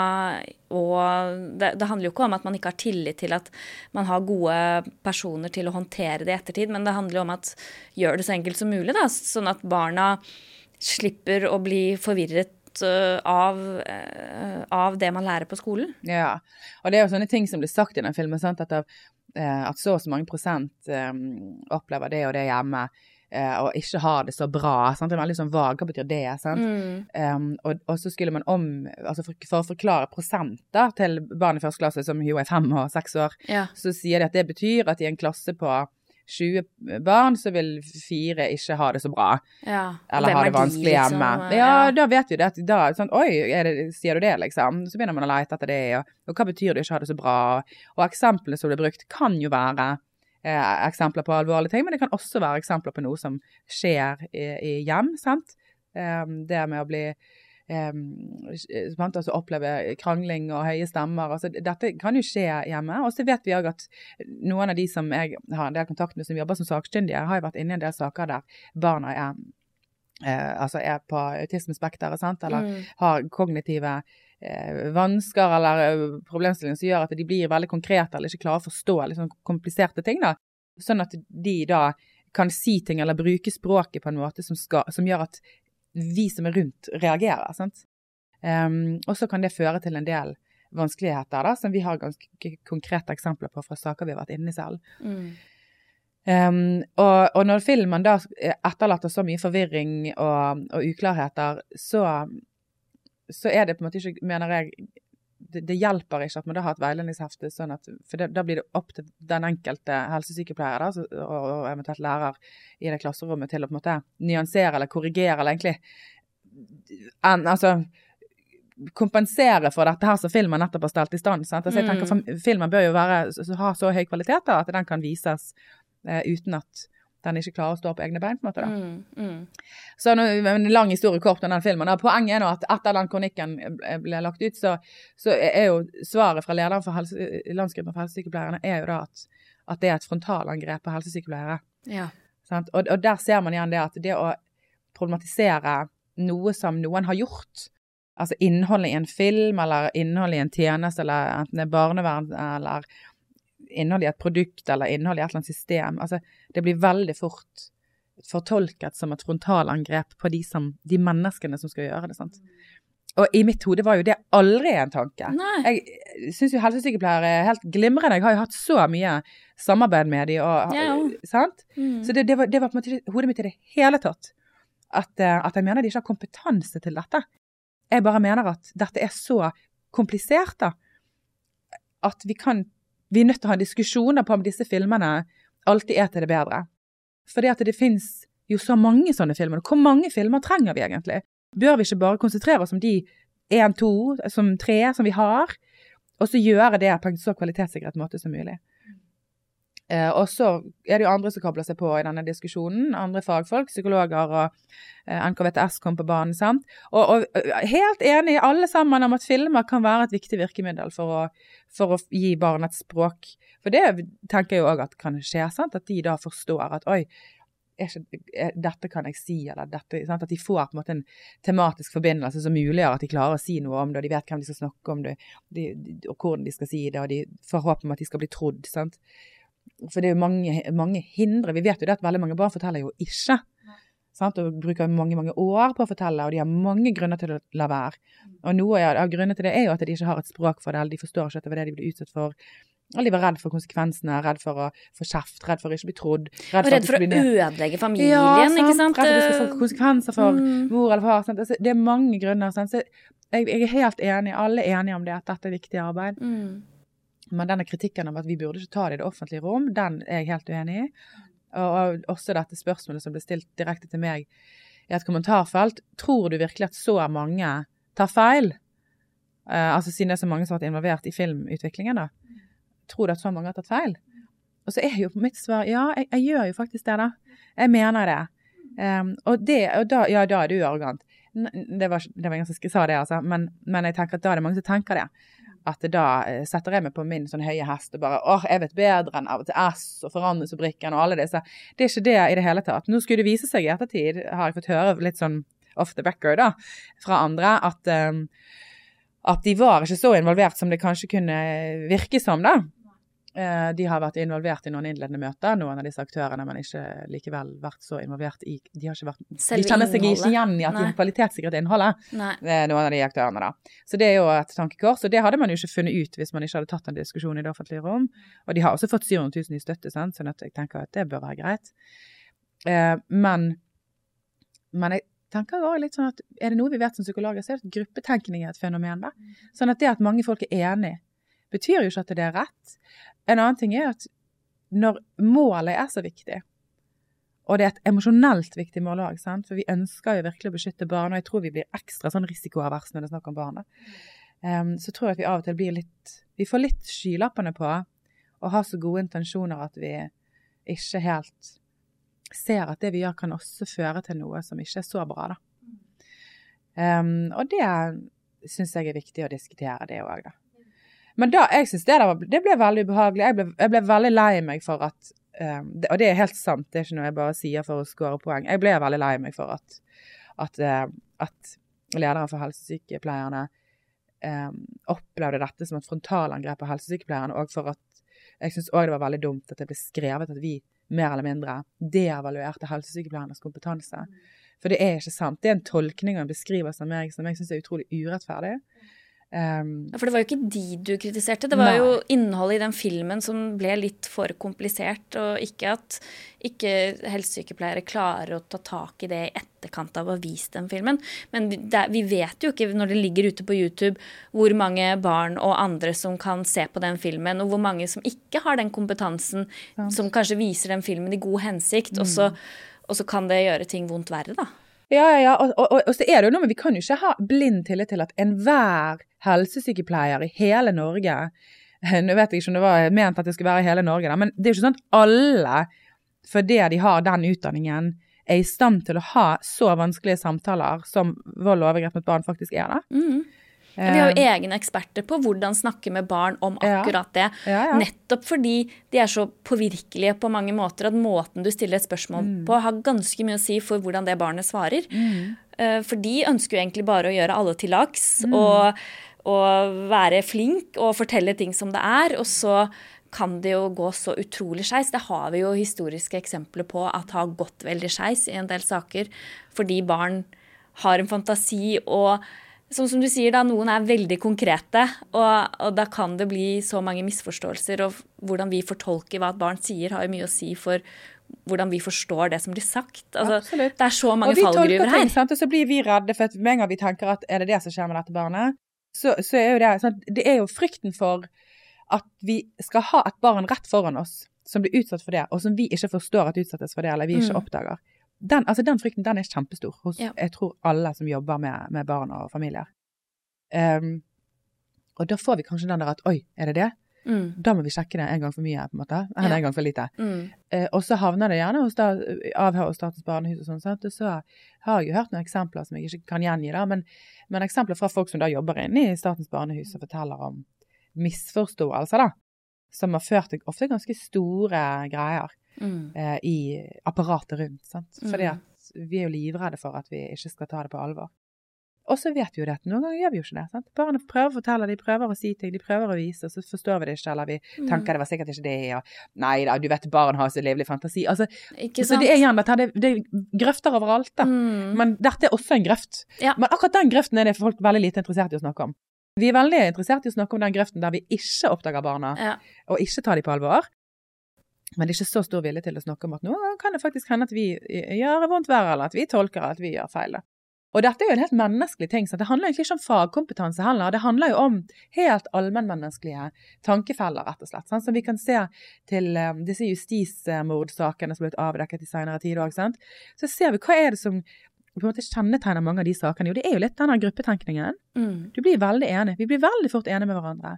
Vi er ikke så gode på å tenke um, alternative hypoteser, analysere det. Og, og, derfor er vi også veldig dårlig vernet mot å gå i denne bekreftelsesfellen. For vi altfor tidlig så tenker vi det må være det. Og så begynner vi da å fortolke ny informasjon inn i det bildet. Og så passer det fint sammen, og får vi da informasjon som ikke passer lenger, så avskriver det. Og det ser jeg også i barnevernssaker som jeg har vært inne i òg. Når jeg leser dokumentene, mm. så ser jeg det. Men her, her er det en helt annen beskrivelse. Mm. Dette er jo helt annerledes. Hvor har den analysen blitt av? Eller ja, her har dere landet på at det er det og det. Det må være det. Har dere vurdert at det kan være sånn eller sånn eller sånn eller sånn? Mm. Nei, det å prøve å avkrefte hypoteser, det å se det fra OK, men hva om det ikke er sånn, da? Og så er det dette her med at det at mange har vært inne og vurdert, er ikke ensbetydende med at det er riktig vurdering. sant? Nei. Og det er òg litt sånn utfordrende, for når man da har hatt en sak som gjerne har gått en stund, eller kommet til nemnda, eller gått til tingretten, så er det så mange til slutt som kanskje har blitt ganske enige. Men, men vi må jo likevel holde oppe muligheten for at det at vi vurderer det samme hele tiden, det det kan hende det er fordi vi faktisk har funnet sannheten, da. At det er mhm. derfor vi er enige. Nettopp. Men det kan hende at grunnen til at vi er enige, er fordi vi ikke klarer å se dette fra et annet perspektiv. Mm. Og hvis du ikke klarer å se noe som helst sted i dokumentasjonen eller i sakskomplekset, at her har man løftet opp de andre hypotesene, vurdert de, men likevel lagt de bort, mm. så tenker jeg at det er litt sånn, i hvert fall et tegn på at her bør man jo snu noen ekstra steiner, da. Og det prøver jeg jo alltid å gjøre når jeg kommer inn i barnevernssaker òg. Altså, hvilke andre hypoteser har dere vurdert, og hvorfor har dere um, vurdert at det ikke er det? Uh, og, og et, et, eksempel på det er jo at det er f.eks. barn med uh, en eller annen form for nevrodivergens. Uh, la oss si et barn med autisme, der man fortolker barnets atferd og væremåte som et, en konsekvens av omsorgssvikt. Og det kan, det jo, det kan være begge deler. Mm. Og vi vet jo at barn som er utsatt for alvorlig omsorgssvikt, kan ha en, en væremåte eller en fungering som gjør at du kan tro at det er autisme. Sånn, så igjen, her er det ja, de ser jo helt like ut noen ganger. Så det kan være enten det og eller det, og det kan være begge deler samtidig. Ja, ja, ja. Så det, det, det, og det sier noe om hvor utrolig avansert og komplisert dette her faktisk er. Jo, mm. Men hvis man låser seg en forståelse for at det må være pga. foreldrene, det må være, må være pga. omsorgssvikt, så vil man jo også fortolke alt mulig i den retning. Og jeg husker en sak jeg var inne i. Så eh, var det sånn at når man hadde den hypotesen gående om omsorgssvikt, så, så fremsto jo på en måte forelderen som ganske inkompetent mm. i sin omsorgsutøvelse. Ja. Mens når vi landet på en helt annen forståelse, nemlig at her var det autisme, da, eller autismespekteret, så ser man jo at å ja, da gir jo alt det denne personen eller denne forelderen gjør, mye mer mening. For det er jo faktisk en ganske sånn adaptiv tilpasning til akkurat det som dette barnet trenger å gjøre. Så det som kanskje ble sett på som ettergivende foreldrestil eller utydelighet eller, eller ditt eller datt eller sånn eller sånn, det ble på en måte da Det ga mye mer mening. Sant? Det hadde vært en intuitiv tilpasning til eget barn. for eksempel. Um, men men jeg, jeg, syns, jeg syns vi ofte har en større sånn vilje til å se på eh, det foreldre ikke får til, det familier ikke får til, enn vi har til å f.eks. se på det skolen ikke får til, eller Mhm. barnevernet ikke får til, Mm. eller, eller BUP-en ikke får til, eller psykologen, eller helsesykepleieren, eller læreren. Altså, og det syns jeg òg er litt sånn underlig, for det, det fins jo, ja, barn som blir utsatt for eh, overgrep og vold i hjemmet, og så lager vi filmer og tiltak knyttet til det, sant. Men det fins jo barn som utsettes for overgrep andre steder, og det fins barn som blir utsatt for vold og overgrep av voksne som jobber i disse viktige arenaene der barn oppholder seg hele tiden. Det fins barn som utsettes for vold og overgrep fra jevnaldrende. Ja. Det fins barn som utsettes for massiv mobbing. Det kan Um, være veldig subtilt òg. Jeg syns det er litt sånn vanskelig det der med sånne mobbesaker. Mm. fordi i hvert fall jenter kan være så utrolig Det kan være så tilslørt at folk rundt ikke helt ser det. Eh, og, og hvis man tenker at nei, men det er ikke det som er problemet her, det er denne, denne eleven som feiloppfatter ting eller tolker ting i verste mening når det egentlig ikke var ment så vondt. Og så kan det jo være at disse jentene er veldig gode til å skjule den mobbingen og subtilt hele tiden gir sånne stikk. Og, og, og den eleven vet veldig godt at dette her er gjort for å, for å øh, skade meg, men det er det ingen andre som ser. Altså, du har jo de tilfellene, men det også er jo kjempevanskelig. Eh, For da kan man jo tillegge noen eh, mobbeintensjoner uten at de faktisk egentlig også har det. Så, så det er så komplisert og så vanskelig, men bare det å på en måte være litt åpen og undrende og ikke gå i en grøft. Nei, det er hun som misoppfatter. Eh, eller nei, de har ikke de intensjonene. Men være åpen for at jo, men det kan jo være noe her. Og, så, og det du sier det med gruppetenkning det sånn, Jeg syns det er sånn farlig. For hvis ingen sier noe, så kan man jo få en illusjon om at alle er enige. Selv om flere blir sittende og tenker noe annet. At ja, Ja. men det kan jo være sånn. Eller hm, kanskje vi burde undersøkt det. Men så blir man litt sånn redd for at Nei, nei, det, nå er, virker det som at alle andre er enige her, så nå skal ikke jeg komme inn og skape noe hva skal Ja, jeg ja. si, eh, skape noe usikkerhet rundt det. Fordi nei, nei, alle andre er jo enige, så da tar jeg sikkert feil. Ja. Men hvis det er flere som sitter og tenker det, så er jo det veldig farlig, da. Og ingen tør å si det høyt. Fordi hvis én bare begynner å si det høyt, da, at jo, men vent nå litt. Har vi sjekket ut dette? Så kan det være Jo, det har jeg også lurt litt på, skjønner du. Ja, ja. Og så kan det være en til som er litt sånn Jo, men jeg har jo Det er jo Jeg har jo sett noe Ja, kanskje, kanskje det er noe mer i den gata. Så Ikke sant? Og, og, og man kan jo åpne opp for enda flere nye hypoteser. sant? Og i tillegg så merker jeg det at når jeg kommer da inn i en barnevernssak, så kan jeg eh, begynne å snu noen andre steiner, kanskje. Og så kan jeg tenke ja, å ja, kanskje det kan være det, kanskje det kan være det. Og så nei, vet du hva.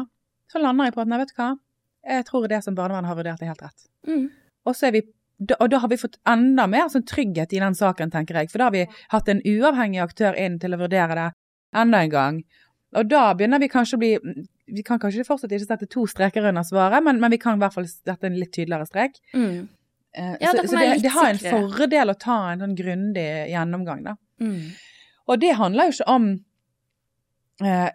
kompetanse eller ikke kompetanse, selv om noen ganger Vet du hva? Noen ganger så føler jeg at kanskje er, er vi litt redd for å si det òg. Mm, Så nå tror jeg jeg skal driste meg til å si det. Noen ganger handler det jo faktisk om kompetanse. mm, Um, sant? Det er jo um, For det første har det ikke vært spesielt store kompetansekrav inn i barnevernet i utgangspunktet, men det er, det er jo veldig veldig vanskelig vurdering av dette her. Uh, jeg mener jo at eh, det å være psykolog gjør deg ikke nødvendigvis egnet til å få til å vurdere dette her. Eh, det å være psykologspesialist gjør deg heller ikke nødvendigvis egnet til det. Det å ta den toårige etterutdanningen i barnesakkyndig arbeid gjør deg heller ikke nødvendigvis egnet til det. Altså du må, i tillegg til å ha masse, masse kompetanse eh, om på en måte barnevernskomplekset, da, så må du også ha ganske god kunnskap om på en måte gruppetenkning og tankefeller for ikke å falle i de selv. Men, men det er jo det, altså i disse sakene så kan det være så utrolig mye forskjellig som er tilfellet, sant. Det kan jo være alt fra, alt fra autisme til traumer til omsorgssvikt til eh, sykdom hos foreldrene, til rus, til det ene og det andre. Altså det, det kan ikke være meningen at en saksbehandler skal kunne vite alt dette. sant? Nei. Man må jo ha tillit til at andre aktører da kan være med å belyse, sånn at man får et eller annet svar eller en eller annen retning på arbeidet. Men så er det ikke sikkert at man da likevel er enig, sant. For hvis du jobber på BUP, så ser du barnet, ja. Eh, men du ser ikke nødvendigvis foreldrene så mye. Du ser, du, du ser ikke nødvendigvis hjemmesituasjonen. Du ser ikke nødvendigvis foreldreutøvelsen. Og, vil, og, på helsestasjonen sant? Ja, så får du et bilde av foreldrene der òg. Men, men, jeg eksempel, når jeg er på helsestasjonen eller, eh, eller i barnehagen, altså, så føler jeg at jeg er den minst kompetente i rommet. Sant? Så da blir jeg litt sånn veldig usikker på sant? Skal jeg, hva skal jeg gjøre nå, liksom. Skal, skal, du, skal du plukke opp barnet skal jeg ta ja. Altså jeg blir veldig, sånn som med ja. vaksine, Er det greit at jeg trøster nå, sant? Ja, ikke sant? Mens altså, hadde jeg vært hjemme alene, så hadde jeg jo trøstet og ammet og holdt på. sant? Mens liksom, mm. hva, hva? For ja. jeg, jeg, jeg, blir veldig avventende. Og jeg merker det når jeg jobber med, med andre kulturer òg, så kan de ha veldig sånn respekt for eksperten. Som de ofte blir, eh, kaller, kaller, deg for. da. Ja. Uh, så de, da blir de veldig avventende. Og da kan jo de fremstå veldig passive, sant. Mm. Så er de ikke det. De er bare liksom høflige og venter på liksom at jeg skal gjøre mitt. Um, og vil ikke gå i veien for meg. sant? Og, og man kan bli redd. Sant? Jeg har vært hjemme hos uh, unge alenemødre som blir livredd og blir mer mm. opptatt av meg enn barnet sitt. For hva tenker du om meg nå, og hva mm. uh, De er i en så usikker og vond situasjon. Sant? Så det, konteksten er jo kjempeviktig. Jaha. Fordi vi endrer oss jo i tråd med hva som skjer rundt oss. Mm. Og det gjør vi alle mennesker. Så, så, det er så viktig å ikke tenke at ja, men det er jo ikke sånn denne personen er med dette barnet til vanlig. Mm. Eh, fordi nå er det en utrygg situasjon, nå er det noe som er annerledes. Og mm. da blir de også annerledes, da. Absolutt. Så vi skal liksom både ha fagkompetanse og kompetanse rundt kompleks analyse og det å ha ulike hypoteser og ikke gå bekreftelsesfeller og sånn. Og vi skal ha ganske mye sånn refleksjon rundt hvordan vi selv kan bidra inn i saken og påvirke det vi ser. Det er jo helt meningsløst å tro på at vi kan sitte i et hjørne med notatblokken vår og ikke påvirke situasjonen. Mm -hmm, mm -hmm. Ikke tenk på meg, oppfør dere som ja, normalt. Ja, gjør som her, sant. Ja, ja. Altså, det er helt umulig. Sant? Det, det, er ekstremt avansert, da. Mm. Og det å si da at, eh, at dette ja, vi har ikke nødvendigvis Vi har nødvendigvis, ikke nødvendigvis tanke Jeg føler jo veldig på det. Sant? Jeg må jo alltid drøfte og eh, ringe til sånne kulturveileder eller kulturtolk eller hva man skal kalle det for, og høre liksom hva, hva er vanlig liksom den mm. kulturen, hva er vanlig mm. barneoppdrag, hva bør jeg være oppmerksom på her? Så må jeg mm. ringe til en som har jobbet eh, i 40 år med autisme for å skjønne litt om det. Så må jeg ringe til en annen som har jobbet med eh, no, sånn og sånn. Sant? Altså, jeg, jeg, jeg, tingen er at jeg har tid til det. Og det er jo det jeg ønsker jo å slå et slag for barnevernet da, og barnevernsansatte. De har ikke tid til det. Nei. Eh, de har masse saker. De har ikke tid til å sette seg ned med en eske med dokumenter og begynne å bla i det første notatet og se hvor ting har skjært seg. Mm. Eh, det er gjerne den ellevte saksbehandleren som sitter med saken. De har møtt familien én gang. Saken har ligget i barnevernet i syv år. men de, de hvordan i alle dager skal de ha tid til å sette seg inn i bakgrunnen? De må jo ta utgangspunkt i siste rapport eller siste ja. vedtak, lese seg opp på det. Så må de ha tillit til at folk har gjort en skikkelig jobb før de. Um, og så vet vi det tar lang tid å etablere en samarbeidsrelasjon både med barn og foreldre som, som er trygg nok til at man klarer å ha en god arbeidsallianse og, og finne ut av ting. Mm. Det har ikke de tid til. Um, og så har de ikke nødvendigvis erfaring til det, de har ikke nødvendigvis god nok veiledning, de har ikke nødvendigvis tid til å sant, mm. bruke den kunnskapen som de ofte òg har. Ofte har de veldig mye formalkompetanse også. Mange har tatt massevis av etterutdanning. Men de får ikke tid til å bruke den. De får Nei. ikke tid til å omsette den i praksis. De får ikke hjelp til å liksom uh, sette den ut i live. For det er ikke gode nok måte, system for at de skal få lov til å gjøre en god jobb. Mm. Og hva kan vi gjøre for ja. å hjelpe dette? Jo, ja. da begynner alle å si ja, vi må ha flere ressurser og vi må ha mer penger. Nei, vi kan ikke bare fortsette å pøse penger inn i barnevernet. Det har vi gjort i årevis allerede. Det er masse penger i barnevernet vi trenger ikke mer penger. Det vi trenger å gjøre, er å jobbe på en mye bedre måte. Og da må jo alle ta ansvar for f.eks. ikke sende masse saker inn til barnevernet mm -hmm. som aldri skulle ligget der. Ja. I Bergen kommune så veksler henleggelsesraten på mellom 60 og 80 Kjempemye. Det betyr ja, at okay. meld i vei, men vet at du utgjør en kjempebyrde hvis du melder feil. Ja.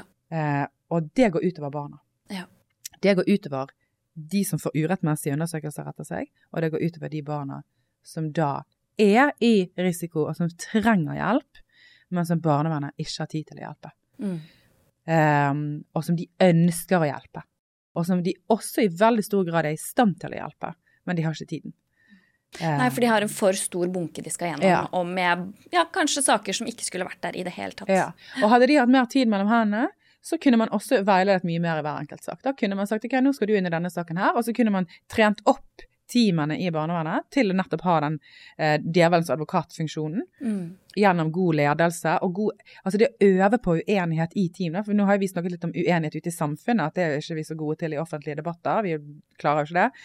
Men vi klarer det heller ikke sammen med våre egne kollegaer. For det, jeg vil at du skal like meg. Jeg har ikke lyst til å skape masse problemer å være uenig med deg hele tiden. Mm.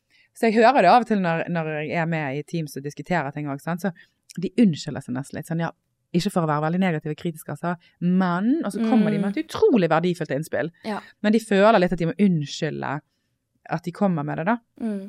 For det er så viktig også at man har forskjellig syn inn på en sak også, og da tør å si fra om ting man mener. Eh, Fordi ja, hvis man har på autismespekterbrillene, så ser man det. Mm, og hvis man har på seg eh, alvorlige traumer og emosjonell glektbrillene på, så ser man jo det. Eh, så det er jo viktig da å ikke gå i den ene eller andre grøften og være litt eh, åpne om at dette er hva jeg ser. Eh, men hva ser du, som har en litt annen kompetanse enn meg? Så det er jo viktig at man har litt forskjellig blikk inn, da. Og da er det så viktig at man ikke bare Å ja, du ser det. Ja, kanskje det er det. Da, da tør ikke jeg å si noe om hva jeg ser. Eh, for jeg ikke vil fornærme deg. Og da er det så viktig med god trygghet i de gruppene som jobber i barnevernet også. At de har god tid på å bli kjent med hverandre på en god måte og ha god veiledning, da. Og jeg tror trygghet er et veldig viktig stikkord, og det òg å eh, prøve å snakke om dette med at det å ikke ha kompetanse handler ikke om at du er dum i hodet. Men det handler om at akkurat dette kan du faktisk ikke så mye om, og det er helt greit. Det er ikke et nederlag, det er ikke en mangel ved deg. Nei, nei. Men jeg tror at altså, det blir litt som at jeg, du bør ikke sette meg eh, som psykolog, da. Så, så er det jo det er så mange psykologer som jobber med ting som jeg aldri kunne gjort. Bare det å jobbe i psykisk helsevern, det å jobbe med alvorlige psykiske lidelser, det å jobbe med eh, schizofreni, det å jobbe med Altså, alle disse tingene. Jeg har ikke peiling på det. Du må ikke sette meg til å gjøre det, for jeg har ikke kompetanse til det. Det betyr ikke at jeg er dum i hodet. Nei. Det betyr at dette kan jeg ikke. Og det er litt det samme jeg tenker rundt noen av disse barnevernssakene, at akkurat dette er veldig eh, annerledes enn det. For det barnevernet kunne jo egentlig brukt sin kompetanse til å utøve veldig godt sosialt arbeid, f.eks. Og Mm. jobbe med kontekst og jobbe med de tingene der. Um, og ikke bare hele tiden måtte utrede og utrede og undersøke og undersøke, sant? men at de faktisk kan bruke kompetansen til, sin til å gi hjelp. Mm. Men, men noen ganger må man da eh, få inn andre som har kompetanse til f.eks. da å forstå er, hvordan skal man skille mellom det ene og det andre, og hva kan dette heller være. Så det der med, med, Når man begynner å diskutere kompetanse, så blir det fort et spørsmål om du er god eller dårlig. Og, Mm. og det, det, det er ikke det kompetanse handler om, om du er Nei. god eller dårlig. Det handler om hva som er ditt felt, og hva som ikke er ditt felt. Mm. Ja, for man kan jo ikke kunne alt om alt. Nei. eh, Og, og i barnevernet så bør du egentlig det, for alt kan være tilfellet. Det er jo det, det mest Altså, det virker det er et så stort spenn i hva det kan handle om. Og det kan være mange ting samtidig òg, sant. Ja, men det er derfor at ulike personer i barnevernet bør ha litt ulik kompetanse. Absolutt. Og så må man spille på hverandres styrker. Mm. Og, og det, det at kompetansen er ulik, betyr ikke at noen som ikke har like stor kompetanse på én ting, ikke kan ha det på en annen ting. Det er jo ikke en Mm. sånn generell greie at mm. du er bare inkompetent på generell Klart. grunnlag. Ja. det liksom, Nei, Men det er jo det man kanskje kan kjenne litt på. Da, Ja. At oi, shit, her kom jeg til kort. Mm. Men det å da være åpen om at ok, her, dette her trenger jeg veiledning Mm. på, og dette her trenger jeg et a- en annen sitt blikk på før jeg kan ta en vurdering, og ikke tenke det at nei, men dette burde jeg jo kunne, så da må jeg bare vurdere et eller annet Ja. her, fordi det kan jo få veldig store konsekvenser. Ja, og der har jeg òg veldig stor sympati for nettopp barnevernet. da, For dette, de, i motsetning til nesten, nesten alle andre aktører, blir jo også veldig ofte gjenstand for en sånn offentlig hoggestabbe. sant? Mm. Um, Og de får jo ikke mulighet til å forsvare seg heller i en del Nei, saker. og da tror jeg at det òg blir mye mer sånn personlig og emosjonelt. Når man da Mm. begynner å snakke om kompetanse, så, så høres det ut som vi på en måte blir med i et slags sånn kor eh, Ja. om at eh, dere er helt udugelige hele gjengen. For det, Mm. det, det ser jeg i kommentarfelt, og det merker jeg òg når jeg har skrevet ting selv. Ja. Så får jeg jo av og til støtte fra folk som jeg helst ikke vil ha støtte fra. Mm. For jeg er ikke enig i den kommentaren om at hele barnevernet burde bare blitt lagt ned, og, um, og, og um, folk som jobber i barnevernet er ondskapsfulle mennesker som liker Ja. andres lidelse, og de skulle brent i helvete. Altså, jeg er ikke enig i det. Nei, sant? selvfølgelig Så ikke. du, du får jo støtte fra litt feile folk noen ganger, da. Mm. Samtidig så kan man jo ha forståelse for at, at de menneskene som har den fungeringen, og som har opplevd så utrolig mye smerte, for det har de jo òg, Mm. at det blir at disse tingene kommer ut på den måten. Sant? Det, det går jo an å forstå. Mm. Men det er klart at det å, å jobbe i barnevernet og, og være mottaker av den dritten der, det, det får de på en helt annen måte. Klart Og når de da i tillegg ikke får den nødvendige veiledningen og støtten, for det er ikke tid til det igjen, eller det, Mm. sats, det satses jo ikke Ja. på ansatte i barnevernet. Nei. Det gjør de jo ikke. Altså Det satses ikke på liksom utmerket ledelse og utmerket organisasjonskultur, liksom. Eh, er, de blir liksom brannslukkere og sant, men, men og, og jeg vet jo selv, altså når jeg har hatt eh, mine runder der jeg har fått jeg var jo, min, min inntreden i det offentlige ordskiftet handlet jo om de såkalte IS-barna. Der jeg mente at norske myndigheter er nødt til å ta ansvar for faktisk våre egne borgere. da. Selv om foreldrene har gjort hva det enn måtte være, og, og vi hater de aldri så mye, og hvis det er det vi gjør, så, så forandrer ikke det at vi faktisk har et ansvar for dem. da. Og det ansvaret kan vi ikke legge på kurdiske selvstyremyndigheter i en eller annen interneringslære i Syria. Altså det ansvaret må vi faktisk ta, vi. Um, og da var det jo at uh, det var en vrede som jeg var veldig uforberedt på, da. Og jeg fikk noen meldinger, liksom. Noen var jo bare med sånne grønne spyfjes. Eh, andre var liksom at jeg var dum i hodet. Det er greit, det er jo ikke straffbart å mene det. Mens, mens noen igjen var litt sånn helt på grensen til kanskje hva som kunne være litt sånn på en, trussel, da. Selv om de innledet med å si at dette er ikke en trussel. Men Og så kom det noen som jeg tenker var kanskje en trussel. Ja. Men, men det syns jeg var veldig ubehagelig. sant? Jeg var, jeg var helt eh, ny og uerfaren i det offentlige ordskiftet. og jeg husker jeg tok på alarmen i huset og trakk ned gardinene og syntes det der var veldig ekkelt. da. Mm. Um, og det er jo bare barnemat i forhold til hva veldig mange eh, som jobber i barnevernet har måttet uh, sant, leve med, og de er redd for sine egne barn og um, lever på skjult adresse og i det hele tatt. Sant? Altså det, jeg, har, jeg har masse, masse sympati med det, da. Og jeg vet ikke hvordan vi skal komme unna det, for det så lenge det er så lenge det er det som også blir konsekvensen noen ganger, å ta barna ifra folk, Mm. og det må det være noen ganger, så vil det alltid være en tjeneste noen kommer til å hate, da. Derfor betyr jo det at vi må virkelig sørge for at de som jobber, tar på seg dette arbeidet, ikke står så alene som de gjør. det. Mm. Uh, og jeg husker jeg ble bedt en gang om å veilede en eh, barnevernstjeneste, og det var liksom sånn en gang iblant omtrent. Altså det var, det, du går ikke an å kalle det der for veiledning. Nei. Vi som psykologer, når vi er nyutdannet eksempel, og begynner å spesialisere oss. spesialisere oss, masse veiledning. vi får så mye veiledning, for vi har ikke gjort noe annet enn å være på veiledning. omtrent, sant? Vi har veiledning hver eneste uke, og da jeg eh, spesialiserte meg i samfunnspsykologi, så hadde vi en hel dag i gruppe en gang i måneden. En hel dag, liksom. sant? Mm. Pluss masse kurs og i det hele tatt. Og, og har jo mye større autonomi også i arbeidet vårt. Og som sakkyndig så er jeg jo helt Altså, jeg må gjerne forholde meg til et timeantall, da, men jeg har jo likevel alt rom jeg trenger til å bruke tid til å sette meg inn i saken og til å tilegne meg ny læring. Um, og ja, det var det jeg skulle si. Altså, da, da, da jeg fikk disse her spyfjesene og, og 'dette er ikke en trussel, men', bla, bla, Mm. så, så kjente jeg hvor viktig det var at jeg hadde folk som sto i ryggen på meg. Ja. Eh, og det planla jo ikke jeg, eh, men det fikk jeg automatisk, for jeg kjenner folk som også har stått i en del stormer, så de var jo der med en gang. sant? Og eh, leste kommentarfelt for å skille ut for meg om det var noen trusler, og for å liksom lodde stemningen litt. og jeg fikk veldig masse meldinger og telefoner fra folk som støttet. Og jeg fikk også mailer og telefoner fra helt fremmede folk som, eh, som har rett og slett brukt tid på å finne nummeret mitt, finne mailen min, og sette seg ned, vet du. Legge en beskjed på telefonsvareren eller skrive mail til støtte, da. Og det betydde jo nesten egentlig enda mer, sant. Ja. For jeg skjønner at folk som liker meg og er glad i meg og bryr seg om meg, støtter Mm. meg, men at helt for, for tilfeldige folk rundt omkring Ja. Så det betydde jo veldig mye, da. Ja. Og jeg vet ikke hvor mye folk som jobber i barnevernet får av sånne ting. sant? Nei, for det er det, det- jeg, jeg vet ikke om jeg kunne klart å jobbe i barnevernet. Jeg, Nei, jeg, jeg, jeg ville vært så usikker på mine vurderinger at jeg heller vil slippe å måtte Mm. ta sånne vurderinger. For det har så store konsekvenser for det barnet om jeg vurderer feil. Mm. Eh, og, og selv om du ser hva, veldig tydelig hva dette er i en sak, så er det jo noe med ok, men hva slags type tiltak er det som kan gjøre situasjonen bedre? Er det å ta barnet ut, eller er det å, å få inn masse støttepersoner inn i denne familien? Eller hvor Altså, det vil, jeg ville synes at det hadde vært så, hadde vært så vanskelig. Så jeg Ja, ja. får så vondt av så mange av de som jobber i barnevernet. Og når du da får noen imot deg som angriper deg som enkeltperson for å ha, ifølge andre, gjort en feil, så får du jo ikke mulighet pga. taushetsplikten til å forsvare deg på noe som helst vis heller. Du må egentlig bare si at nei, men dette kan ikke jeg uttale meg om. Eh, jeg kan ikke Ikke sant. Og det også er jo kjempevanskelig, men det, selvfølgelig må det jo være sånn.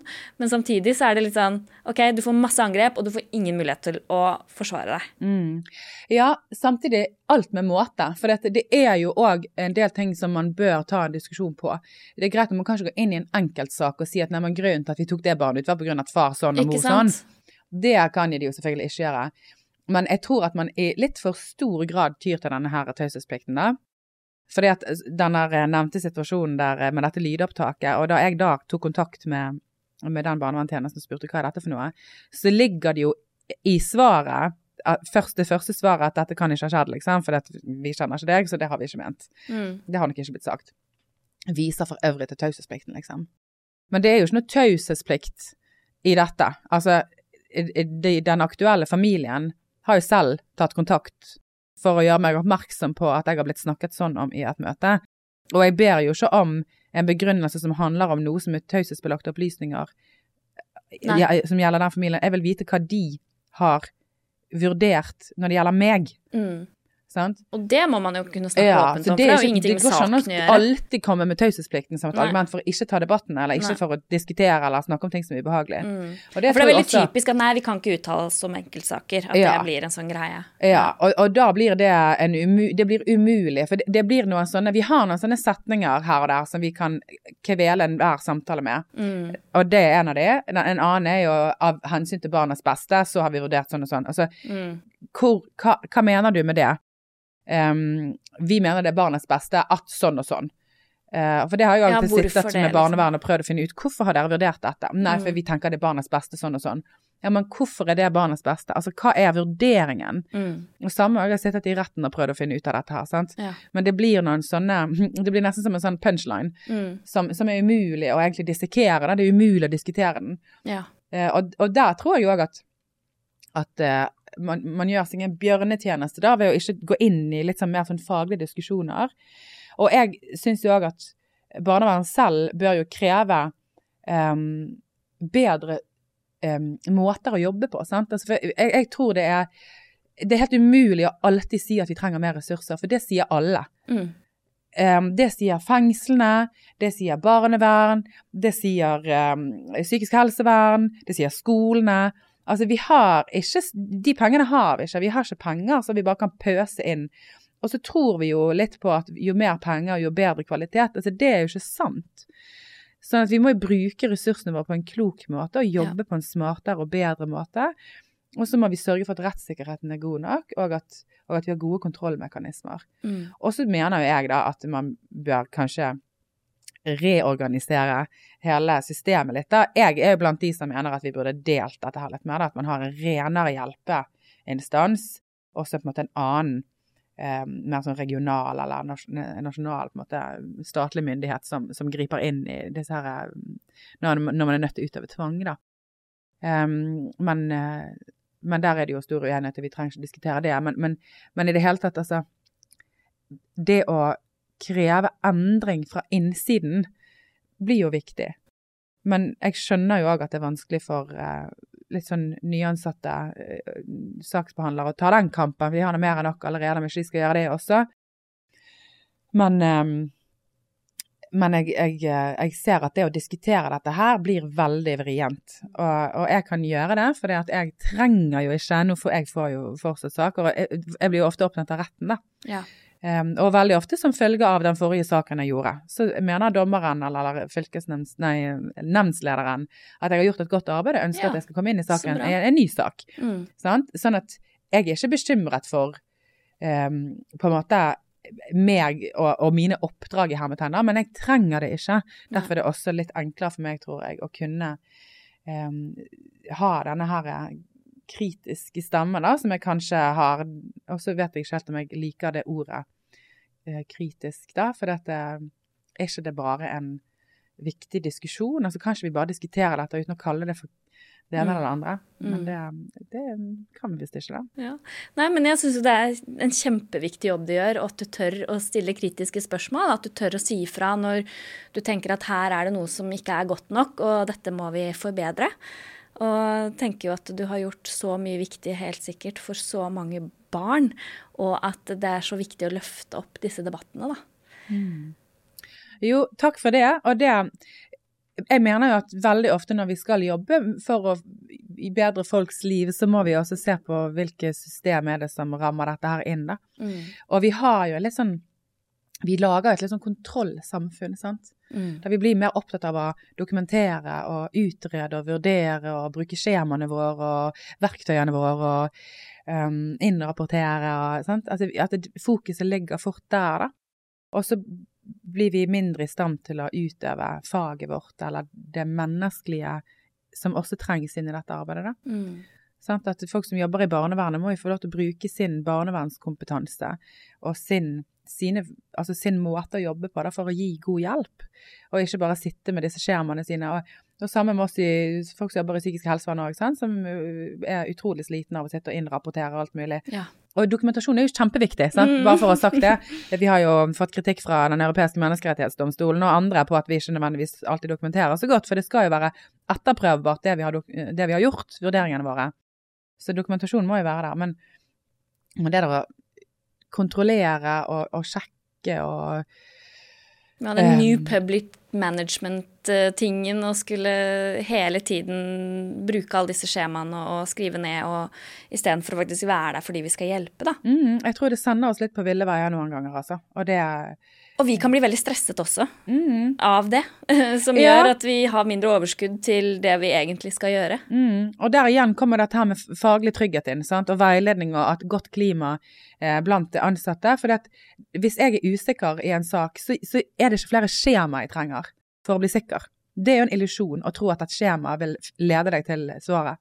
Det jeg trenger da, er jo hjelp til å adressere hva, hva er det den eh, usikkerheten min nå handler om. Mm. Hvor er det tvilen kommer inn? Hva er det jeg lurer på? Hva er det jeg må finne mer ut av?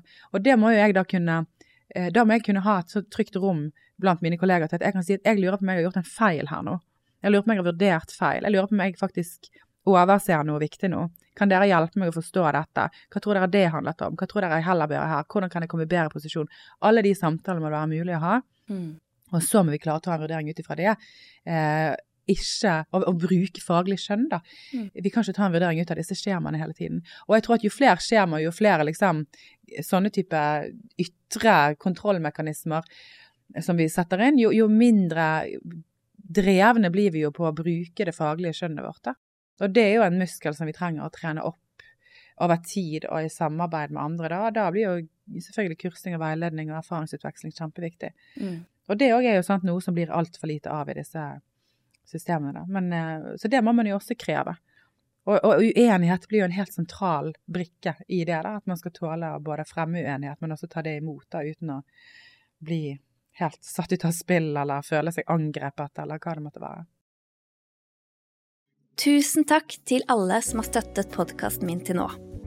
Jeg setter enormt stor pris på all støtte, både ved at dere abonnerer på kanalene mine, deler episodene mine og donerer penger via VIPS. Og hvis du ikke har gjort det ennå, klikk på følge- eller abonner-knappen på kanalene mine, så støtter du meg helt gratis. Og de som ønsker donere et valgfritt beløp, kan søke opp Snakk med Silje i VIPS, eller bruke VIPS nummer 806513. Målet med podkasten er på ingen måte å tjene penger, men det koster litt å filme og redigere både lyd og bilde. Og donasjoner fra dere gjør at jeg kan holde podkasten åpen og tilgjengelig for alle. Takk for all støtte. Du nevnte jo i stad litt det der med at du har blitt anklaget for å være litt sånn arrogant. Eh, Men kan vi psykologer kanskje bli litt arrogante og tro vi vet best? Ja, jeg, jeg tror jo faktisk det, da. Og det, um, selv om jeg ikke identifiserer meg som arrogant, så, så kan Og det kan selvfølgelig hende at jeg òg har eh, både formulert meg og sagt ting som jeg burde gjort på en annen måte. Man lærer jo det òg. Jeg tror jeg er blitt mer dempet også etter hvert som jeg har blitt litt mer vant med det offentlige ordskiftet òg, da. Men jeg tror jo òg at det er at vi som faggruppe, på en måte, da, eller profesjon, kan oppfattes som det noen ganger, da. Ehm, for at og det er jo en Altså, det er jo en side ved det å være høyt utdannet, eller det å ha en anseelse eller en posisjon i samfunnet også, som er òg viktig å snakke om, det er jo det der at kan det hende vi blir litt sånn høy på oss selv?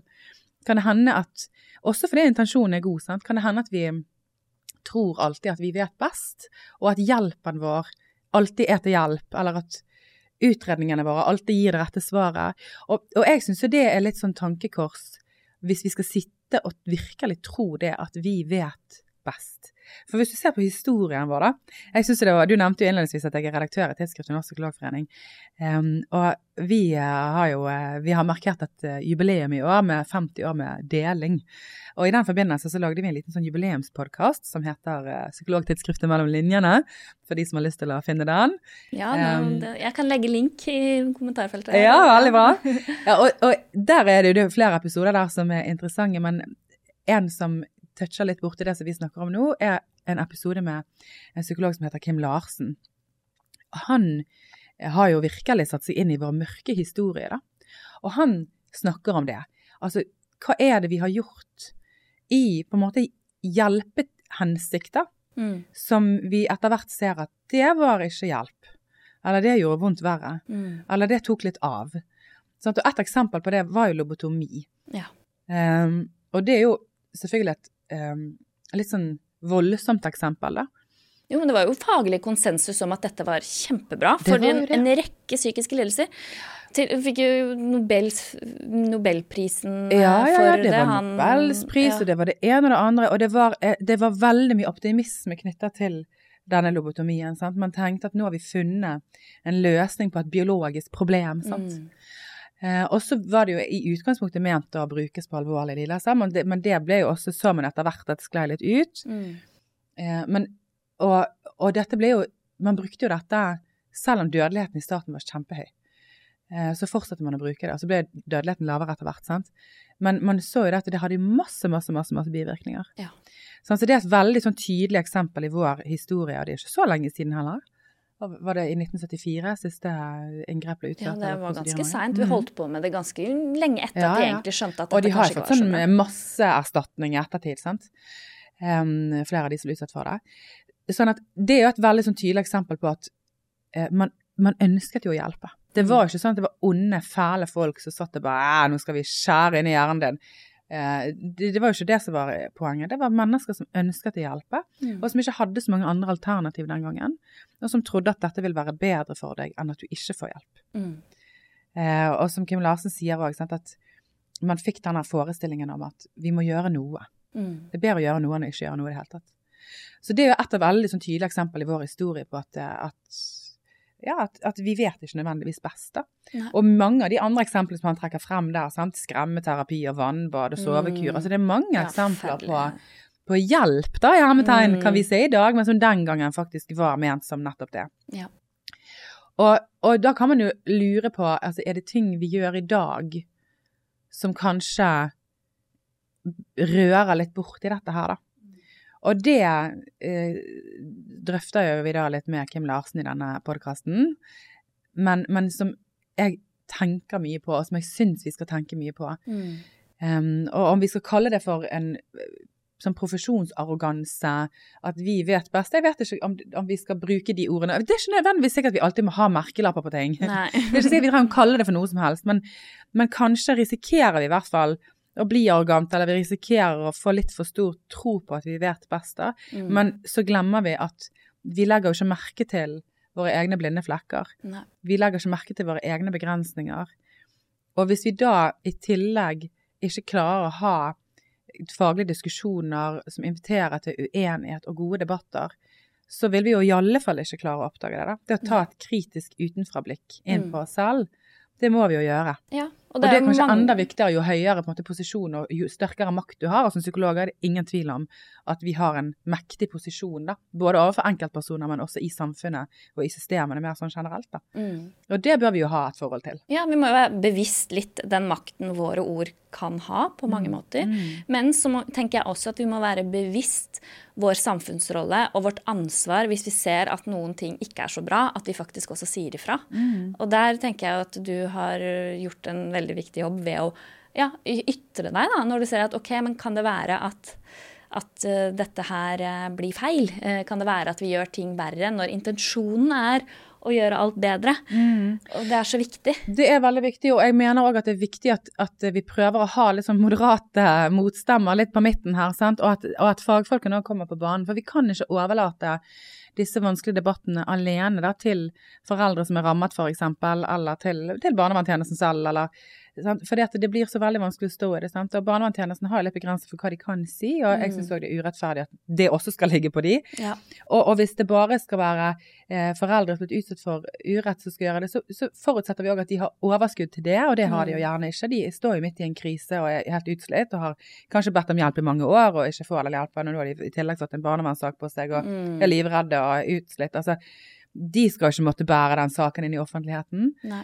Mm, Og så ser vi òg det at noen ganger så blir det jo eh, representanter da, som ikke Der man kan forstå hvorfor de sier det de gjør, men det er ikke så fruktbart likevel. Mm. For de blir ikke tatt alvorlig, sant. Men jeg syns vi skal prøve å lytte til de òg, da. Ja. For det kan jo hende også de har et poeng. Mm. Men det er vanskelig selvfølgelig å oppdage det gode poenget eventuelt, da, hvis innledningen er at man bør brenne ned eh, barnevernet. Ikke sant. Ja. Så da blir det på en måte litt sånn Vanskelig. vanskelig å ta det helt Mm. seriøst. Og Mm. derfor mener jeg at det er viktig at vi fagfolk kan undre oss litt over eh, måter vi jobber på eller ikke jobber på. Og jeg tror jo det at vi burde Jeg vet ikke om vi får erstatningssaker på det i ettertid. Vi, vi har jo erstatningssaker på tapt barndom, der barnevernet ikke grep inn, men, men vi har ikke så mange erstatningssaker som går på det motsatte, nemlig at de grep inn og ikke burde gjort det. Men vi ble jo dømt i fjor høst eh, menneskerett, eh, for menneskerettighetsbrudd. Det var en kommune oppe i nord. Og der var det jo en bekymringsmelding. Jeg tror det var en sakkyndig psykolog som hadde sendt en eh, melding til barnevernet, som da førte til akuttplassering av tre barn tidlig en morgen. Jeg tror politiet bisto. Sånn, litt sånn skrekkbilde. Ja.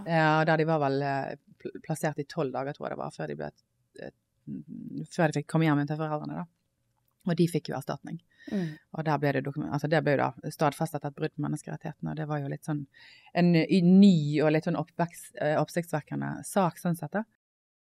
Men, eh, men bør vi i hvert fall se for oss at ettertiden kanskje kan dømme oss litt for det, da, den eh, eh, At vi har eh, Jeg mener virkelig at noen barn må ut av hjemmet. Men jeg mener at i mange av disse sakene så burde vi gjort noe annet. Vi burde hjulpet tidligere Mm. og på en annen måte. Og vi har litt sånn eh, Denne tilliten vår til f.eks. å sette inn veiledning, da. Det er jo et veldig vanlig hjelpetiltak. Ja, vi må veilede. Råd og veiledning, kjempevanlig. Ofte så tror jeg det brukes fordi vi har ikke noe annet å gjøre, eller vi vet ikke hva annet vi skal gjøre. Men, og når det da ikke virker, så mener vi at det er ok, da kan ikke foreldrene nyttiggjøre seg av denne veiledningen.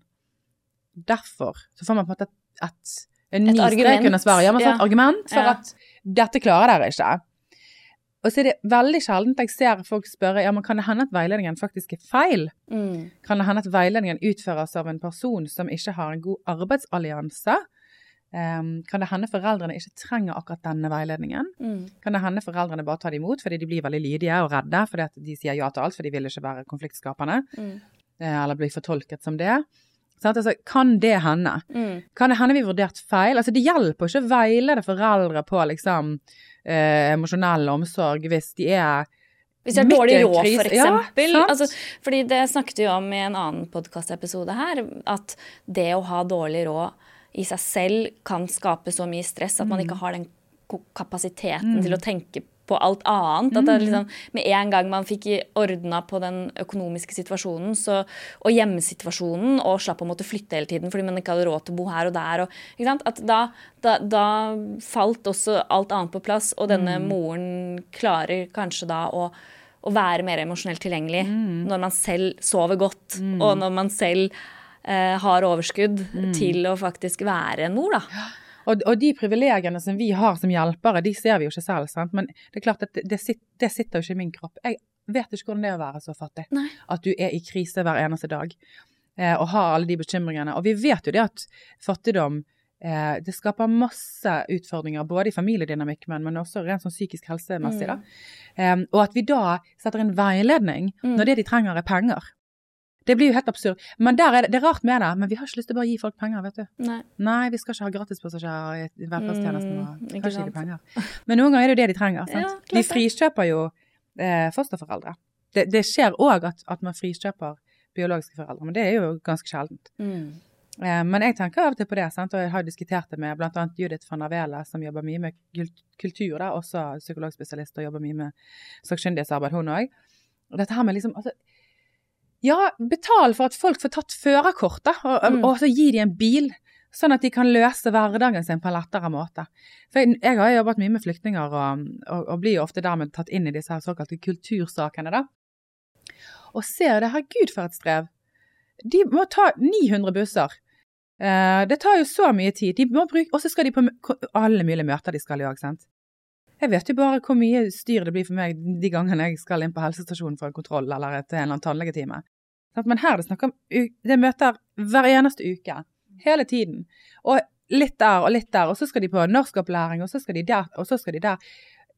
Og så skal de ha hjemmebesøk. Jeg var inne i en sak der eh, jeg til og med havnet borti en situasjon der jeg og en annen eh, aktør i den saken eh, krasjet på en måte i hverandre, nesten rent fysisk òg faktisk, på et hjemmebesøk. For det var så hyppige besøk inn i den familien. Ja.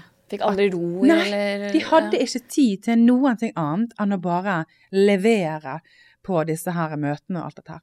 Tenk at Det de hadde trengt, var jo Ja, jeg hadde jo ikke likt å ha det sånn. Det de hadde trengt, hadde vært praktisk hjelp, og så tid. Eh, tid. God hjelp over tid. Men vi får det så travelt, sant. Vi vil, Mm. ha, vi vil se bedring, og hvis ikke vi ser bedring, så hjelper det ikke, da. Så da gjør vi heller noe annet Mm. eh, så blir det akutt. Nei, gi de tid. Tenk, vet du hva, her må vi være inne i årevis. Og det er mye bedre det enn at vi tar ungene ut. For de blir ikke utsatt for alvorlig vold og overgrep, sant. De blir utsatt for mye kaos og styr, og det er, sant? Men, Mm. men dette får vi til, for det er veldig mye kjærlighet. Det er ofte mange søsken, sant. De må vi gjøre alt vi kan for å holde sammen. Hvis det er søsken, hvis det er fem, seks, syv søsken, Mm. så det er jo helt urealistisk at de blir plassert i samme fosterhjem. Sant? De blir spredd for alle vinder. Altså, og det kan man jo argumentere for i noen saker, sikkert. Jo, noen det kan være bra, kan sant? Men, være men- noen ganger så tenker jeg vi må, vi må strekke oss veldig langt. Og vi ser jo at dette gjøres jo òg, og heldigvis så kommer de sakene frem òg. Ja, det er bra. Vi har jo saker der folk har flyttet inn til familien for å hjelpe dem, sant? Eller der familien har flyttet inn til en sant, hjelp. Altså det, det er liksom det er mange flotte eksempler. sant? Mm. Men, eh, men jeg tror likevel at det er noen holdninger her. Sant? Akkurat det med penger, der er det mye holdninger. Veldig mye sånn at ja, mor har satt barnet sitt i fare ved å ikke betale strømregningen sin. Ja. Og ja, Ja, det gjorde det hun med vilje, si, liksom. Men, ja, sant, og så sånn- tar man ikke med- heller med at i betraktningen at hvis du er fattig og, og stresset knyttet til det, så um, får du òg lavere IQ-poeng. sant? Altså det er, det, er, det er så heftig for hodet ditt Mm. å skulle håndtere igjen, dette. Igjen kontekst. Og der tenker jeg jo sånn i ettertid, altså det at vi kanskje risikerer å veilede folk og ende opp med å ikke hjelpe dem i det hele tatt. Mm. Selv om det de faktisk trenger hjelp til, er helt åpenbart for alle. Men det vil vi ikke hjelpe dem med, f.eks. Eller at vi tar barn ut av hjemmet som ikke burde vært tatt ut. Sant? Altså det tenker jeg at er eh, kjempeille. Og det, vi ser jo eksempler på det. Sant? Foreldre som alltid har sagt at det er noe med barnet mitt. Merket det. De har gjerne tre barn, fire barn. Ja, her er det noe annerledes, liksom. Ja, så det ene barnet har alltid vært noe annet. Husker da han ble født. Han kom ut med vidåpne øyne omtrent og bare er klar. Mm. Eh, Og sant, har aldri, har alltid vært vanskelig å roe, alltid vært vanskelig å få til å sove, alltid vært vanskelig å få til å spise. Alltid vært vanskelig å håndtere. liksom Mye krevende barn. Og så kommer vi med våre floskler igjen. «Nei, Men det finnes ikke krevende barn. Mm. Sant? Det finnes ingen vanskelige barn, bare vanskelige liv. Nei, vet du hva? Det er ikke sant. Nei. Det finnes barn som er mye vanskeligere å håndtere for foreldre enn andre barn igjen. For dette krever mye mer av dem. Mm. Eh, og hvis de da i tillegg eh, har det litt vanskelig i livet, så blir det av og til litt for mye. Og så ber de om hjelp. Sant? De går til helsestasjonen, de spør er det et eller annet her. Det jeg lurer på, jeg lurer på, jeg lurer på. Nei, nei, vi venter og ser hvordan det blir når de kommer i barnehagen. Og så går ikke det så bra heller. Så, ja, men vi vet hva vi venter hvordan det blir med å se når de kommer i skolen. Og så begynner de på skolen, og så er det ingen plan. Og så skal vi vente enda litt lenger og se om de vokser seg litt inn i skolen. Og så har det gått mange år. Så Og kunne man gjort noe tidlig. Ja. Foreldrene er helt på felgen, og så begynner det å eskalere. Det blir verre, verre, verre, verre. verre.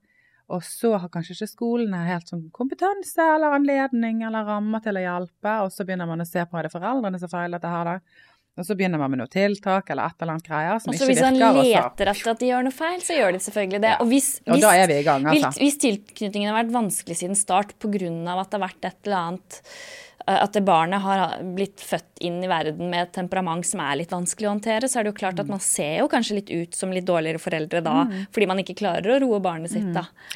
Og så kan man til slutt bli det òg, sant. For det er også et bilde her. Man gir opp litt, ikke sant? Du Det er jo ikke noe vits. og når du Ja. er oppi terskelen din hele tiden, Ja. så skal det faktisk ikke så mye Nei. til før det snapper. Ja. Og da er jo det en fare for at, at vold forekommer. Mhm. Ikke nødvendigvis hele tiden, men, men det, det en, den ene situasjonen kan skape utrolig mye vansker for det barnet, og, og masse, masse, masse, masse frykt. Mm. Og da må vi eventuelt hjelpe til med reparasjonsarbeid, Mm. men vi må jo òg hjelpe til med å gjøre livet litt enklere. Men noen ganger så er jo det viktigste vi gjør, å høre på foreldrene lenge før det går til det, da. Mm. Og ta på alvor. Ok, så du sier det er noe, ja.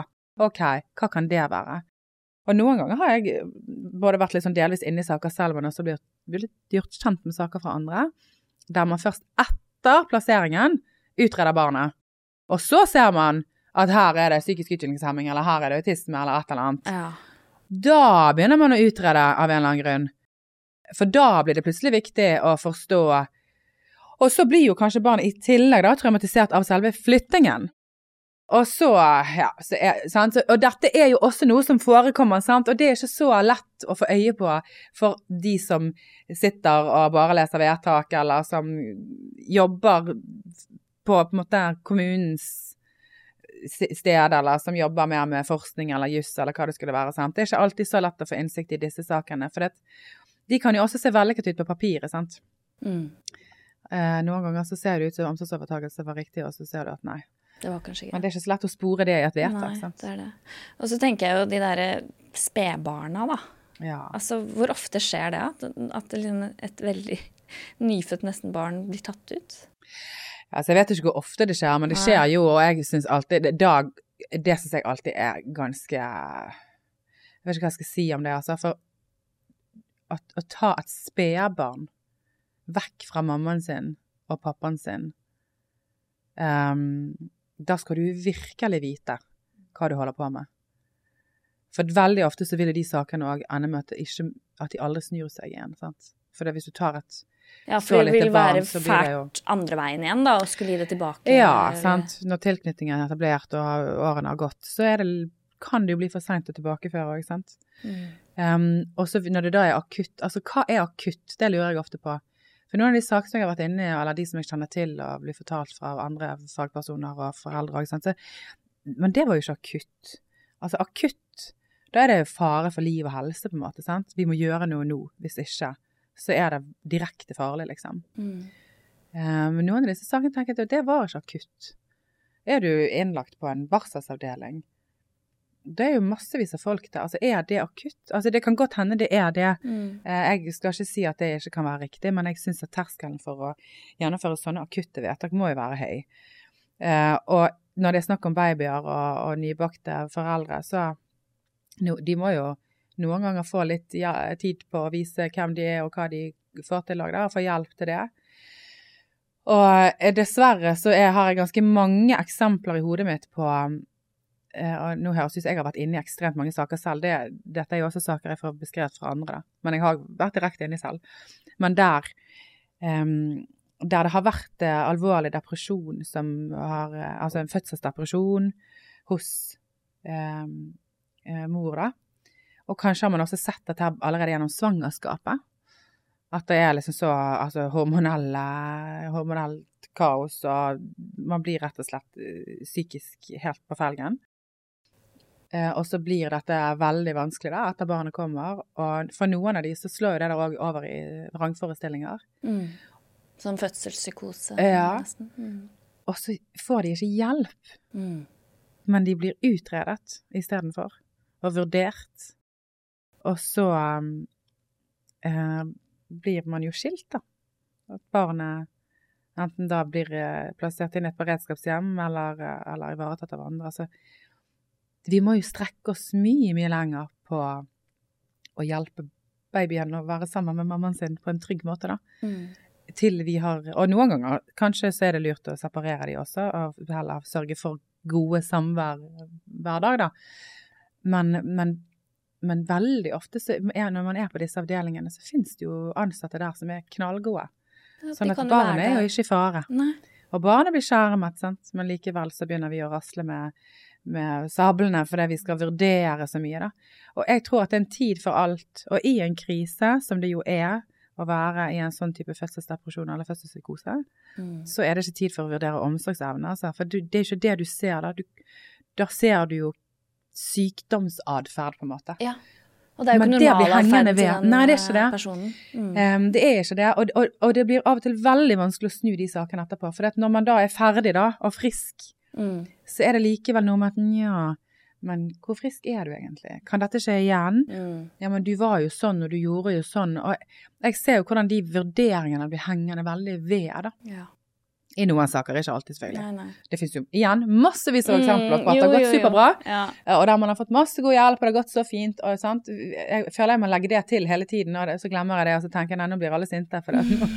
Men hvis jeg skal prøve ikke å være så selvbevisst på akkurat det, da, Ja. så må vi jo klare å snakke om det, at det også gjøres eh, mye feil her, da. Mm. Og det, for en ekstremt sårbar situasjon man er i som eh, Og nå sier jeg nybakt mamma, da, og ikke til forkleinelse for, for fedrene der eller for medmor, men, men det å være inni den Altså det som skjer med kroppen din når du har født et barn, og du har melkespreng, og du, alt er vondt, og alt er helt ute å kjøre, og du har aldri gjort det før, og og, og sant? Jeg har jo vært nybakt mor selv, jeg visste jo ikke åpne på bleiene engang. Altså, jeg visste ikke hva jeg skulle gjøre, hvordan, hvordan løfter jeg? Altså, de er jo så lealøse. Ja, Altså, alt er vanskelig.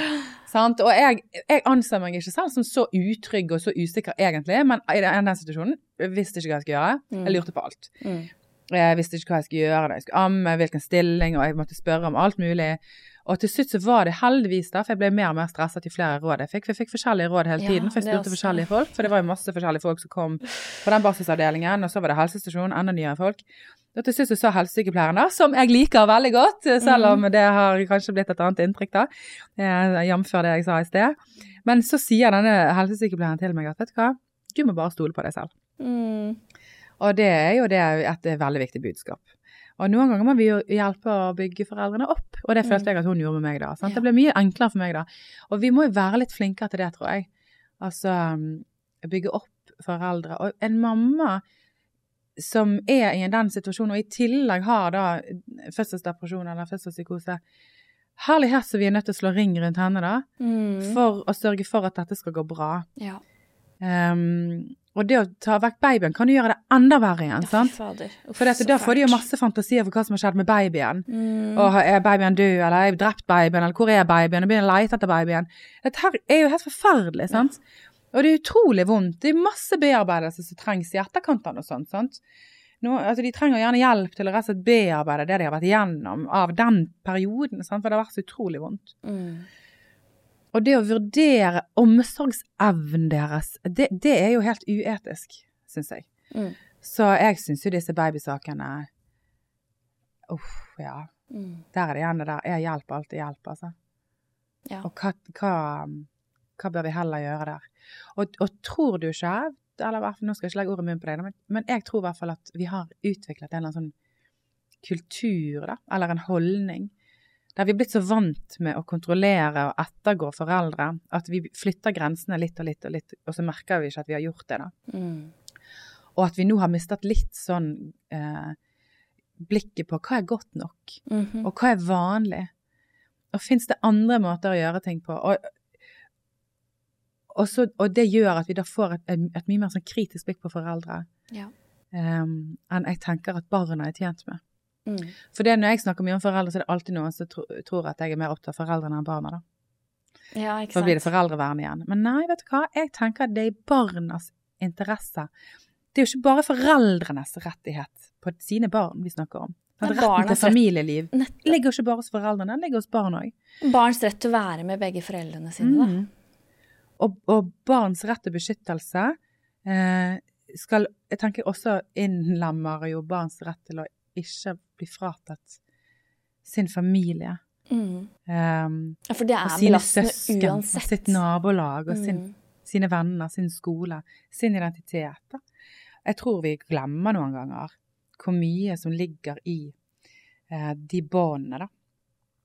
Selv om det heldigvis er fullt mulig å leve gode liv og har fantastiske bånd til eh, foreldre og familier som du ikke biologisk sett eh, deler noe DNA med, da, Mm. men du deler alt annet med. Men likevel så endrer jo ikke det at det finnes jo da kanskje noen spørsmål om hvor kommer jeg fra, hvilken mage var det jeg var inni, Mm. eh, hvordan eh, hvilke foreldre var det som var mine? Hvilken kultur er det jeg stammer fra? Sant? Altså, den kulturelle identiteten og biologiske identiteten er jo også noe som er viktig for, eh, for barn. Da. Klart det. Og jeg har jo selv opplevd i voksen alder å bli kjent med ganske nær familie som jeg ikke mm, har hatt kontakt med i oppveksten. Og jeg merker jo veldig den der at Oi, så like vi er. Mm, Ikke sant? Du kan liksom kjenne litt den Ja, men det gir mening at vi er i ganske nær slekt, da, Mm. egentlig. Ja, Så det er jo sånn og det er det mange som blir nysgjerrig på. det. Altså, Mm. at, at, at man blir litt nysgjerrig på ja, hvem er det som er mine rent biologisk. Mm. Selv om, selv om eh, ja, ikke-biologisk eh, så kan man jo ha kjempenært eh, nær tilknytning til de også. Men, ja. men likevel at eh, det, det har noe å si, da. Mm. Folk som har blitt adoptert, og så, som møter sin biologiske familie. At Mm. hvor- sterkt det møtet kan være, selv om det er en person du aldri før har møtt. Ikke sant? Og selv om de kan ha kommet til et fantastisk hjem, og det handler ikke om at ikke de Det kan jo handle om dessverre òg, for det har vi òg eksempler på. Men, men, men det trenger ikke handle om at de ikke har hatt det godt dit de kom. Nei, nei, nei. Men at de likevel har hatt en sånn søken etter, eller undring over Eller en eller annen sånn følelse at jeg hører ikke helt til. Mm. Så det ligger jo noe liksom grunnleggende i oss, tror jeg òg, som, Mm. som vi skal i hvert fall ha med oss, uten at det nødvendigvis skal bety at, at det skal være tungen på vektskålen i vurderingene nei. vi gjør. Men vi bør i hvert fall ha Det med oss. det, er jo en del oss. av bildet. Det er absolutt en del av bildet. Og igjen dette her med at vi, vi, må, vi må ha oppe ganske mange hypoteser og mange vurderingstemaer Mm. i disse sammenhengene her. Um, og, og, og jeg tror at vi Ja, dette her kontrollsamfunnet eller holdningene våre mot foreldre, eller det at vi kanskje tar litt lett på ting som ligger veldig sånn sterkt grunnleggende i oss. da, At det Mm. noen ganger kan gjøre at vi flytter grensene litt, og at vi ehm, ikke ser helt lenger at det finnes mange måter å gjøre ting på, og det er ikke sikkert at min forståelse her er den rette. Og det blir jo veldig tydelig for meg når jeg jobber i, eh, i disse såkalte kultursakene. sant? Mm. Ja. Og der, det har vært så lærerikt og så fint. Det vil jeg anbefale yeah. folk å gjøre. sant? For det at det er så jeg, jeg, jeg blir jo mer sånn eh, Jeg ser jo meg selv og min egen kultur, holdt jeg på å si, Mm. i et litt annet lys òg, da. sant? At ja, vet du hva, vi driver på med mye rare greier. Dette med at vi skal selvstendiggjøre barn så tidlig, og de skal inn i Mm. barnehagen når de er ett, og de kan verken gå eller stå eller snakke eller spise. Og likevel, sant. Altså, vi har jo noen kulturelle måter å gjøre ting på som, som eh, mange ville undre seg litt over, sant? Ja, og de sover alene og Ja. skriker seg i søvn. Ja, altså, det er jo ja, ja, ja, ja. forferdelig, egentlig. Eller Ikke liksom sant? Ja da. At uh, tenker jo Ja, nei, kanskje Og at vi er får få og... barn, sant. Altså, Det er jo i mange kulturer vi er jo det, liksom, det er jo helt sånn husker det var en mor bare Hvorfor har du bare to barn? Jeg hadde to på det tidspunktet. ja. Så at, altså, det er liksom for et, for et savn, altså for en mangel for, for barna, liksom. De Ja, burde jo hatt mange, mange søsken. Mm. Ja, sant? Så det, det er jo absolutt ting som vi holder på med som, som ikke er feil eller galt, liksom, men som er annerledes. Mm. Og, og det tenker jeg òg med, med andre kulturer som jeg da kommer inn i der. Jeg ser at oi, jaha, ja, ja, der, der gjør det selvfølgelig sånn, ja. Ok. Mm. Men hvis du ikke forstår hva det er de driver med, så kan man jo da mistolke det, og, og, og så kan det komme, slå negativt ut, da. Mm. Og det tror jeg òg er liksom viktig å, å ha et reflektert forhold til. At det er ikke alltid vi vet best, eller at vi ser ting fra den beste siden. Og så en annen ting som jeg òg tenker, sånn apropos det du sier med arroganse, da. Eh, altså dette med Måten vi skriver på, tror jeg av og til òg er Ja. bare så ekstremt krenkende. Um, og jeg husker det var en som sa det til meg, liksom at Jeg tror ikke du aner hvor vondt det er å lese så mange rapporter om Mm. meg selv. Altså, For hun hadde lest rapport på rapport og referat på referat om hvor fæl hun var, liksom. Hvor mye feil hun gjorde, hvor dårlig hun var. Og hva det gjorde med henne, liksom. Og det tenker jeg òg er, er nok noe som mange kan kjenne seg veldig igjen i. Og hvis du leser referat fra møter, for eksempel, så vil du ofte se en beskrivelse av denne mammaen og denne pappaen. Mm. Men du, at liksom, ja, hun virker himlende med Altså, hun, hun virker på en måte lite samarbeidsvillig, eller hun er sånn og sånn, og så masse merkelapper igjen. sant? Ja, Så du Istedenfor å bare beskrive hva du ser, så, Ja. og så kommer du med en fortolkning En i å tolkning. skrive Og den blir jo liggende i saken, sant? At mor er ikke samarbeidsvillig. Og så har det aldri blitt vært noe diskusjon Det, det, det står ikke i det referatet at uh, På en annen side, jeg som saksbehandler, eller jeg som psykolog, jeg satt uh, store deler av møtet med armene i kors, rynket på Mm. bryn, uh, stilte sant? Du beskriver jo ikke deg selv, du fortolker ikke deg selv utenfra. Sant? Nei, nei. Sånn at, og, og det å hele tiden bli fortolket, det, det tenker jeg er ganske krenkende. Og det å da hele tiden bli kritisert. Mm. Og så må vi jo da selvfølgelig igjen, finnes det jo grøfter å gå i. For du Ja. kan jo heller ikke unnlate å være ærlig på det som er alvorlig. Mm. Og det tenker jeg også. Hvis jeg skal skrive en rapport eh, der jeg faktisk skal begrunne at foreldre ikke kan ha omsorg for barna sine, eh, eller at de ikke får til sånn eller sånn, og at det må de veiledes på, så, så kan jeg ikke være så ulen i beskrivelsen at det ikke kommer tydelig frem. Nei. For det, det, det må jo frem. Men det er- Men det må komme på en klar måte, og så må det likevel komme frem på en sånn måte der det, der det kan være masse fint å si, Mm. eh, som er oppbyggende og ikke nedbrytende for foreldrene. Mm. Og en dag skal jo kanskje barna selv lese disse tingene. Mm. Og hva slags narrativ er det vi skaper for barn hvis vi bare eh, på en måte presenterer foreldrene deres som eh, ja, rett og slett helt udugelige, da. Mm. Um, for, det, for barnas del så kan jo det ofte være viktig for dem å forstå at foreldrene deres har masse fine egenskaper, men de klarte ikke ivareta den daglige omsorgen fordi at de var syke, eller de hadde så omfattende rusvansker. Men, men at kjærligheten for barna deres, den var det aldri noe tvil om. sant? Mm. Mm. Også selvfølgelig finnes det eksempler på saker der det er veldig vanskelig å finne noe fint å si om disse foreldrene, for det finnes foreldre som ikke faktisk gjør så godt de kan engang. Altså de, det finnes foreldre som aldri burde vært i nærheten av barn. Mm. Sånn at det er grenser over til sadistisk tortur. Altså de, Mm. de sakene også. òg, sant. Så igjen, alt kan være tilfelle, men vi må ha med det òg at måten vi ordlegger oss på noen gang kan være ekstremt destru eh, eh, destruktivt, da. Og Mm. det Og det tenker jeg er viktig, ikke bare i barnevernssaker, men sånn generelt når vi skriver Mm. journalnotater. Fordi de journal, den journalen er jo pasienten sin, mm. og de skal kunne hente ut den når som helst og skal ha mulighet til å lese den selv. Mm. Og da må man jo tenke når man skriver at dette her er det faktisk Det, det, det skal være OK for pasienten min å lese dette i etterkant. Mm. Eh, Det er ikke bare mitt arbeidsdokument. Og da bør man jo også gjøre det forståelig Mm. eh, for, for folk flest. eh, Og være veldig tydelig på hva man observerer, og at en vurdering er en tolkning jeg gjør ut ifra det jeg observerer, og at man er litt ydmyk på at jeg kan ta feil. Eh, og også skrive det, at eh, dette er sånn jeg tolker det nå. Det, dette her er min vurdering av hvordan vedkommende fremsto for meg i dag.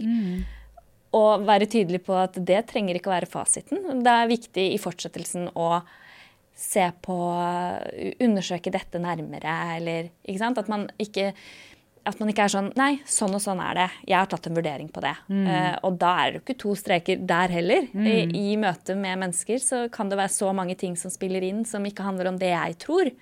Ja, og ting forandrer seg jo hele tiden òg. Mm. Og problemet er at disse, disse skriftliggjøringene de blir liggende i saken. og de, når, En ting er at eh, klienten selv skal lese de, men en annen ting er at andre aktører Mm. også skal lese de. Ja. Og den som kommer etter deg, eller en senere saksbehandler, skal kanskje også lese de.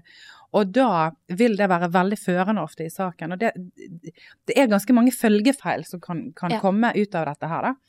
Eh, og da igjen er det dette her å sitte i ettertid og begynne å backtracke saken. Da skal du ha ganske god tid igjen. Ja.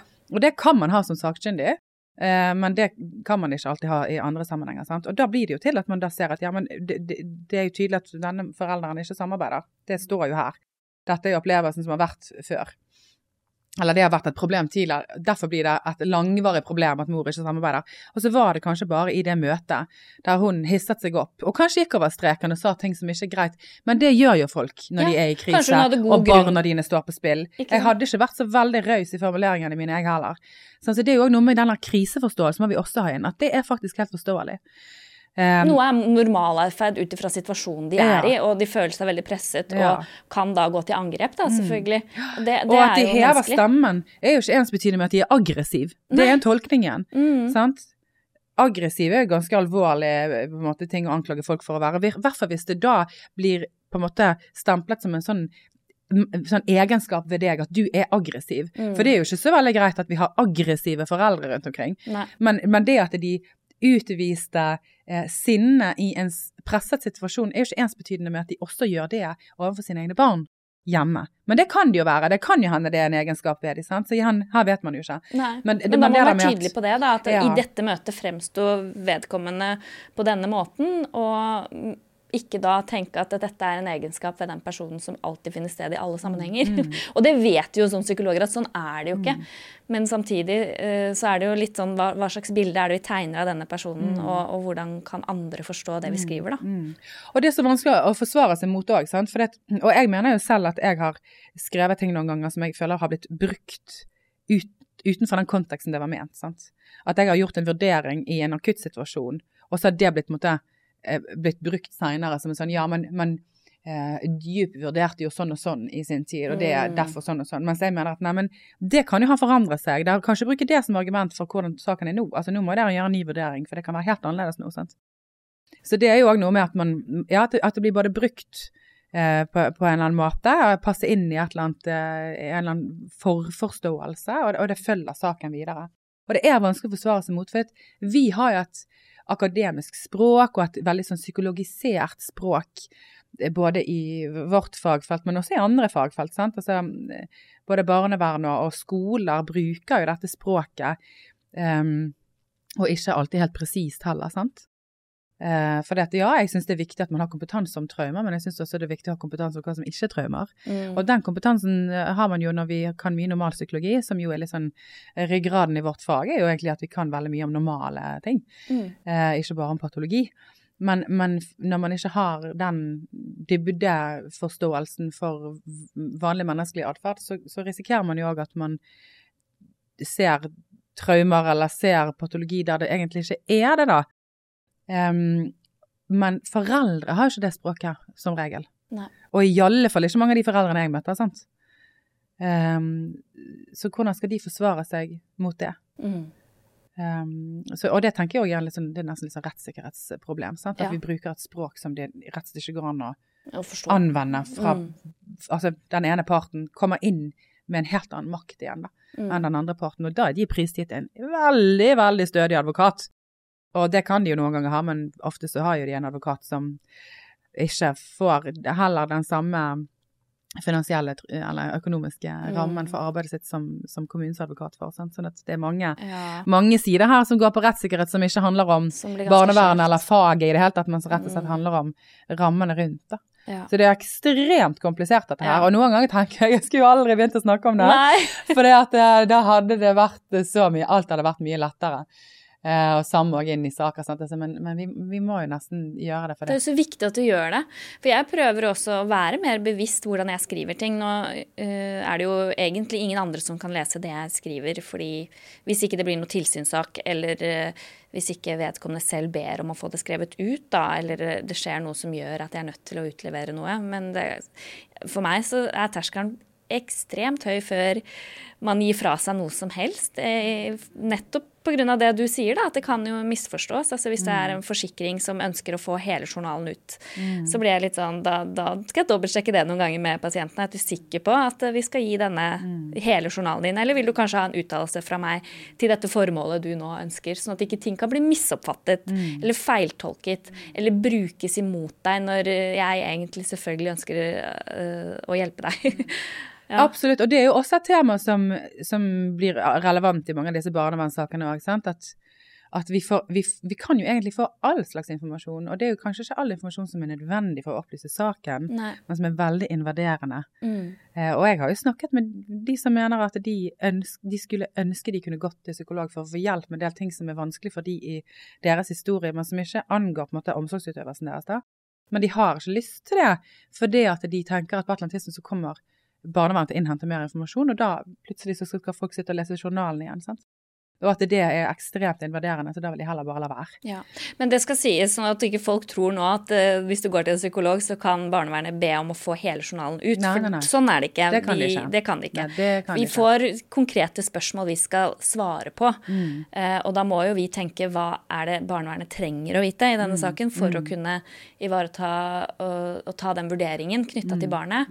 Og, og vi skal jo da også ikke åpne opp for alt. Vi skal bare fortelle det som er relevant, og det de lurer på konkret. Mm. Ja. Sånn at ikke Absolutt, folk det, tror det er en veldig viktig presisering, Ja. men, det er likevel, det, men det sier litt igjennom at hvor utrolig mye um, Altså, vi må ha tungen veldig beint i munnen, da. Fordi at man, man, kommer med disse spørsmålene, og så skal man ha svar. Og hvilke svar får man, og hvem er det som gir de svarene? For det finnes jo dessverre eksempler på at foreldre opplever at de har blitt veldig veldig utlevert f.eks. fra skolene, mm. og sikkert også fra sine egne behandlere. Men frykten for det er jo uansett den samme.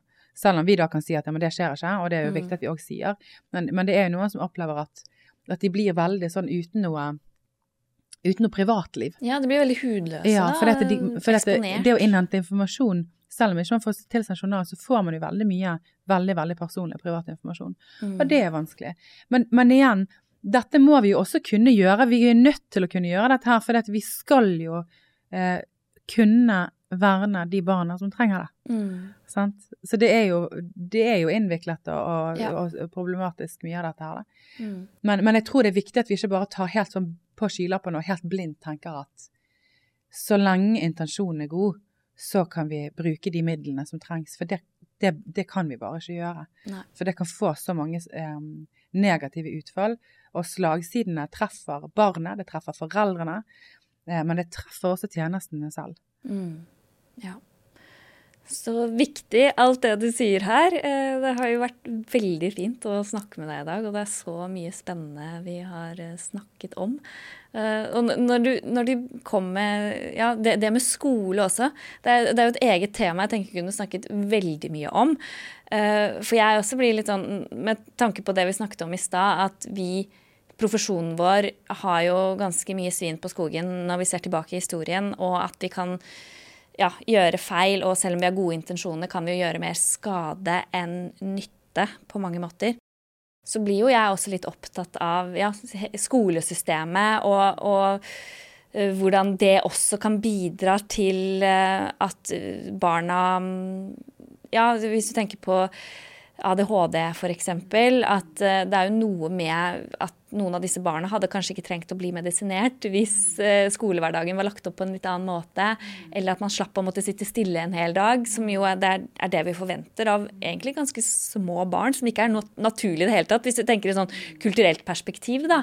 Uh, at man i mange kulturer Ja, skole er fint, men det er jo veldig mange timer i løpet av en dag hvor de skal sitte stille og være litt passive, da. Selvfølgelig, det, det, sier jo ikke Jeg vet at de på skolen gjør veldig mye spennende og gøy, og at det er mange måter å lære på, men at de kanskje har ja, eh, når det blir en sånn massiv øking i eh, den diagnosen, da, så er det sånn Ja, men er det da en diagnose, eller er det noe med samfunnet vårt som gjør at at en del barn fremstår på den måten. Og, mm. ikke sant? Altså. Ja, for det, det, altså, vi sitter jo med en posisjon der vi kan drive og definere folk inn eller ut av normalitetsspennet. sant? Og mm. hvis vi da hele tiden flytt, altså snevrer inn normalitetsspennet, så, så, er det jo ganske mange som etter hvert faller utenfor. Mm. Og, og, og, nå er jo ikke dette igjen ment som kritikk til lærere, nei, nei, nei. men til, til systemene vi, vi skaper oss, da.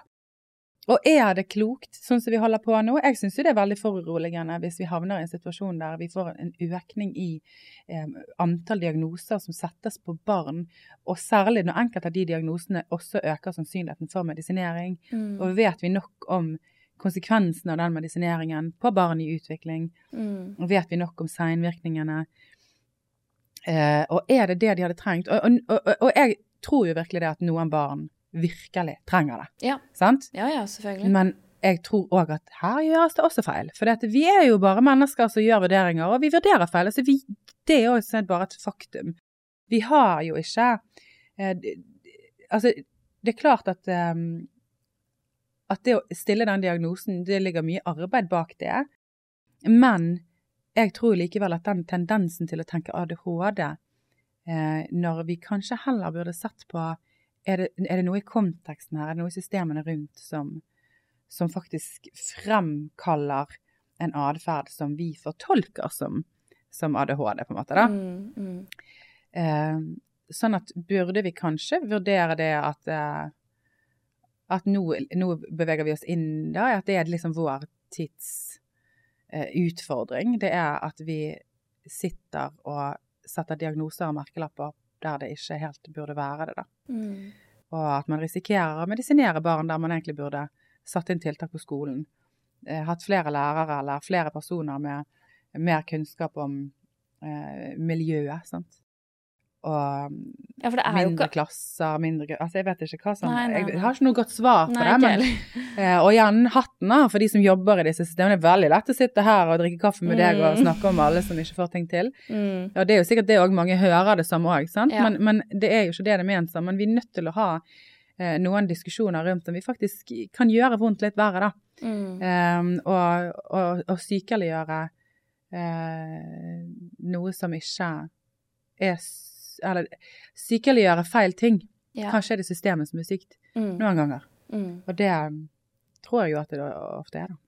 Ja, for det er jo ikke Ja, for jeg tenker at en del unge gutter uh, hadde kanskje ikke trengt å sitte stille på skolen hver dag. Og hvis de fikk lov til å være mer ute og leke og bevege seg litt mer, så hadde man kanskje ikke trengt medisiner, da. Uh, For spørsmålet er liksom det, skal så mange barn trenge det, så er det jo kanskje noe i samfunnet som man kan endre litt på. Men jeg vet ikke hvor vi skal starte, og hva som er svaret, eller noe som helst. Men jeg, jeg er jo litt sånn som deg, at OK, ja, er, det, er dette riktig i det store Ja, og så er det det der hjemme. Altså, også her gjøres det jo feil. Sant? Det var jo, nå er det noen år siden, da, men det var jo studier som avdekket at i ett fylke så var det veldig mye, eh, mange ADHD-diagnoser, mens i et annet fylke var det ikke så mange. Sant? Og hvis vi tenker at det er et nevrobiologisk grunnlag for den tilstanden, så så um, gir jo ikke det mening at man skal ha mer i ett fylke enn et annet fylke.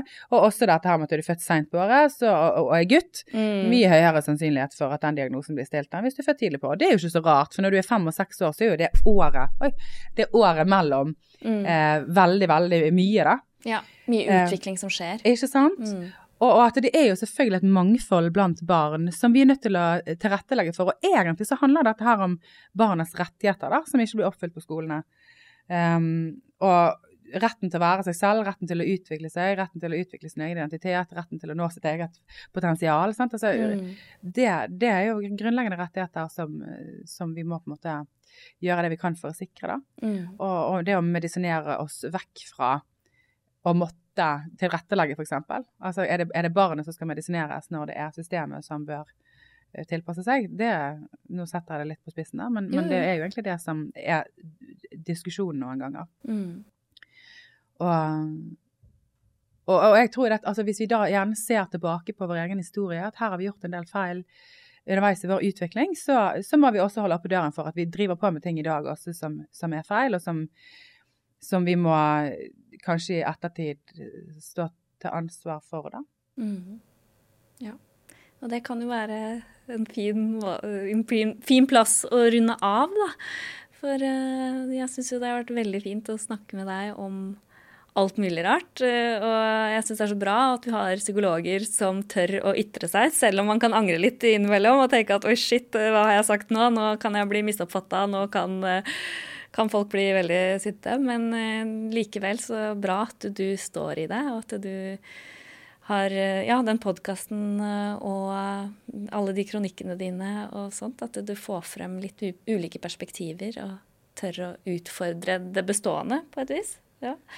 Takk for det, og takk i like så, vil jeg si da, sant? for det handler jo litt om å altså, tilrettelegge for at ulike stemmer kan bli hørt, da. Mm. Og det tenker jeg også at denne podkasten som du har, bidrar veldig til. Da. Og at det er ikke um, Jeg hørte jo på den eh, episoden blant annet med Einar Røverenge som du har òg. Altså, hvor viktig det faktisk er å håndtere og tåle, og utvide toleranse, bli vant med uenighet. Sant? Hvis ikke så kommer vi ikke til å tåle det, på en måte. Altså, det krever litt utholdenhet Ja. å stå i uenighet. Mm. Og det, um, hvis vi liller oss inn i vårt eget ekkokammer der alle bare er enige, så mister vi jo helt evnen til kritisk tenkning. Og det er farlig for faget vårt, men det er også farlig for samfunnet. Absolutt. Ja. Nei, det er jeg helt enig med deg i, så jeg håper jeg klarer det med denne podkasten. Og tusen takk for at du ville fortelle om dine erfaringer, både innenfor eh, det å jobbe som sakkyndig, men også det å være en samfunnsdebattant.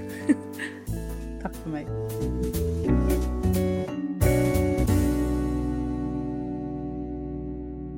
Etter denne praten tenker jeg vi bør være ydmyke og ta på alvor når foreldre og lærere er bekymret for at det som står i lærebøkene om kjønnsidentitet for barn i tredje til 5. klasse, ikke er tilstrekkelig alderstilpasset. Solaris naturfag skriver blant annet følgende til barn i tredje til femte klasse. Kjønnsidentiteten din er din egen tanke om hvem du er og hvordan du ser på deg selv. Du kan tenke på deg selv som gutt eller jente, eller ikke vite helt. Du kan velge å bli kalt han, hun eller hva du vil. Babyer kan ikke fortelle om de føler seg som gutt eller jente. Legene bestemmer hvilket kjønn babyen har ved å se om de har jentetiss eller guttetiss.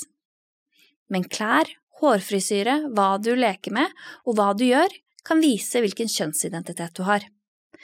Det kan vise om du føler deg som en gutt, en jente eller ingen av delene. Hva du viser kan være likt eller forskjellig fra hvilket kjønn du har.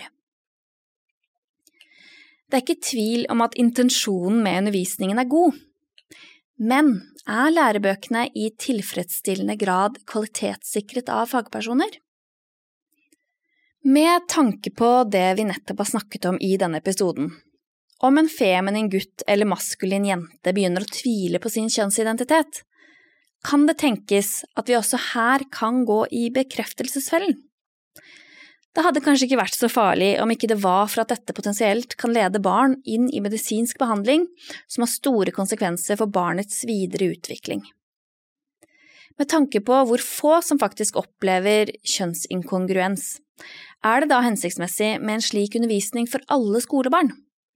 Kan vi risikere at måten vi snakker med små barn om kjønnsidentitet på, og måten vi gir medisinsk kjønnsbekreftende behandling før pubertet, er noe vi i fremtiden vil se tilbake på at i sum var mer til skade enn hjelp?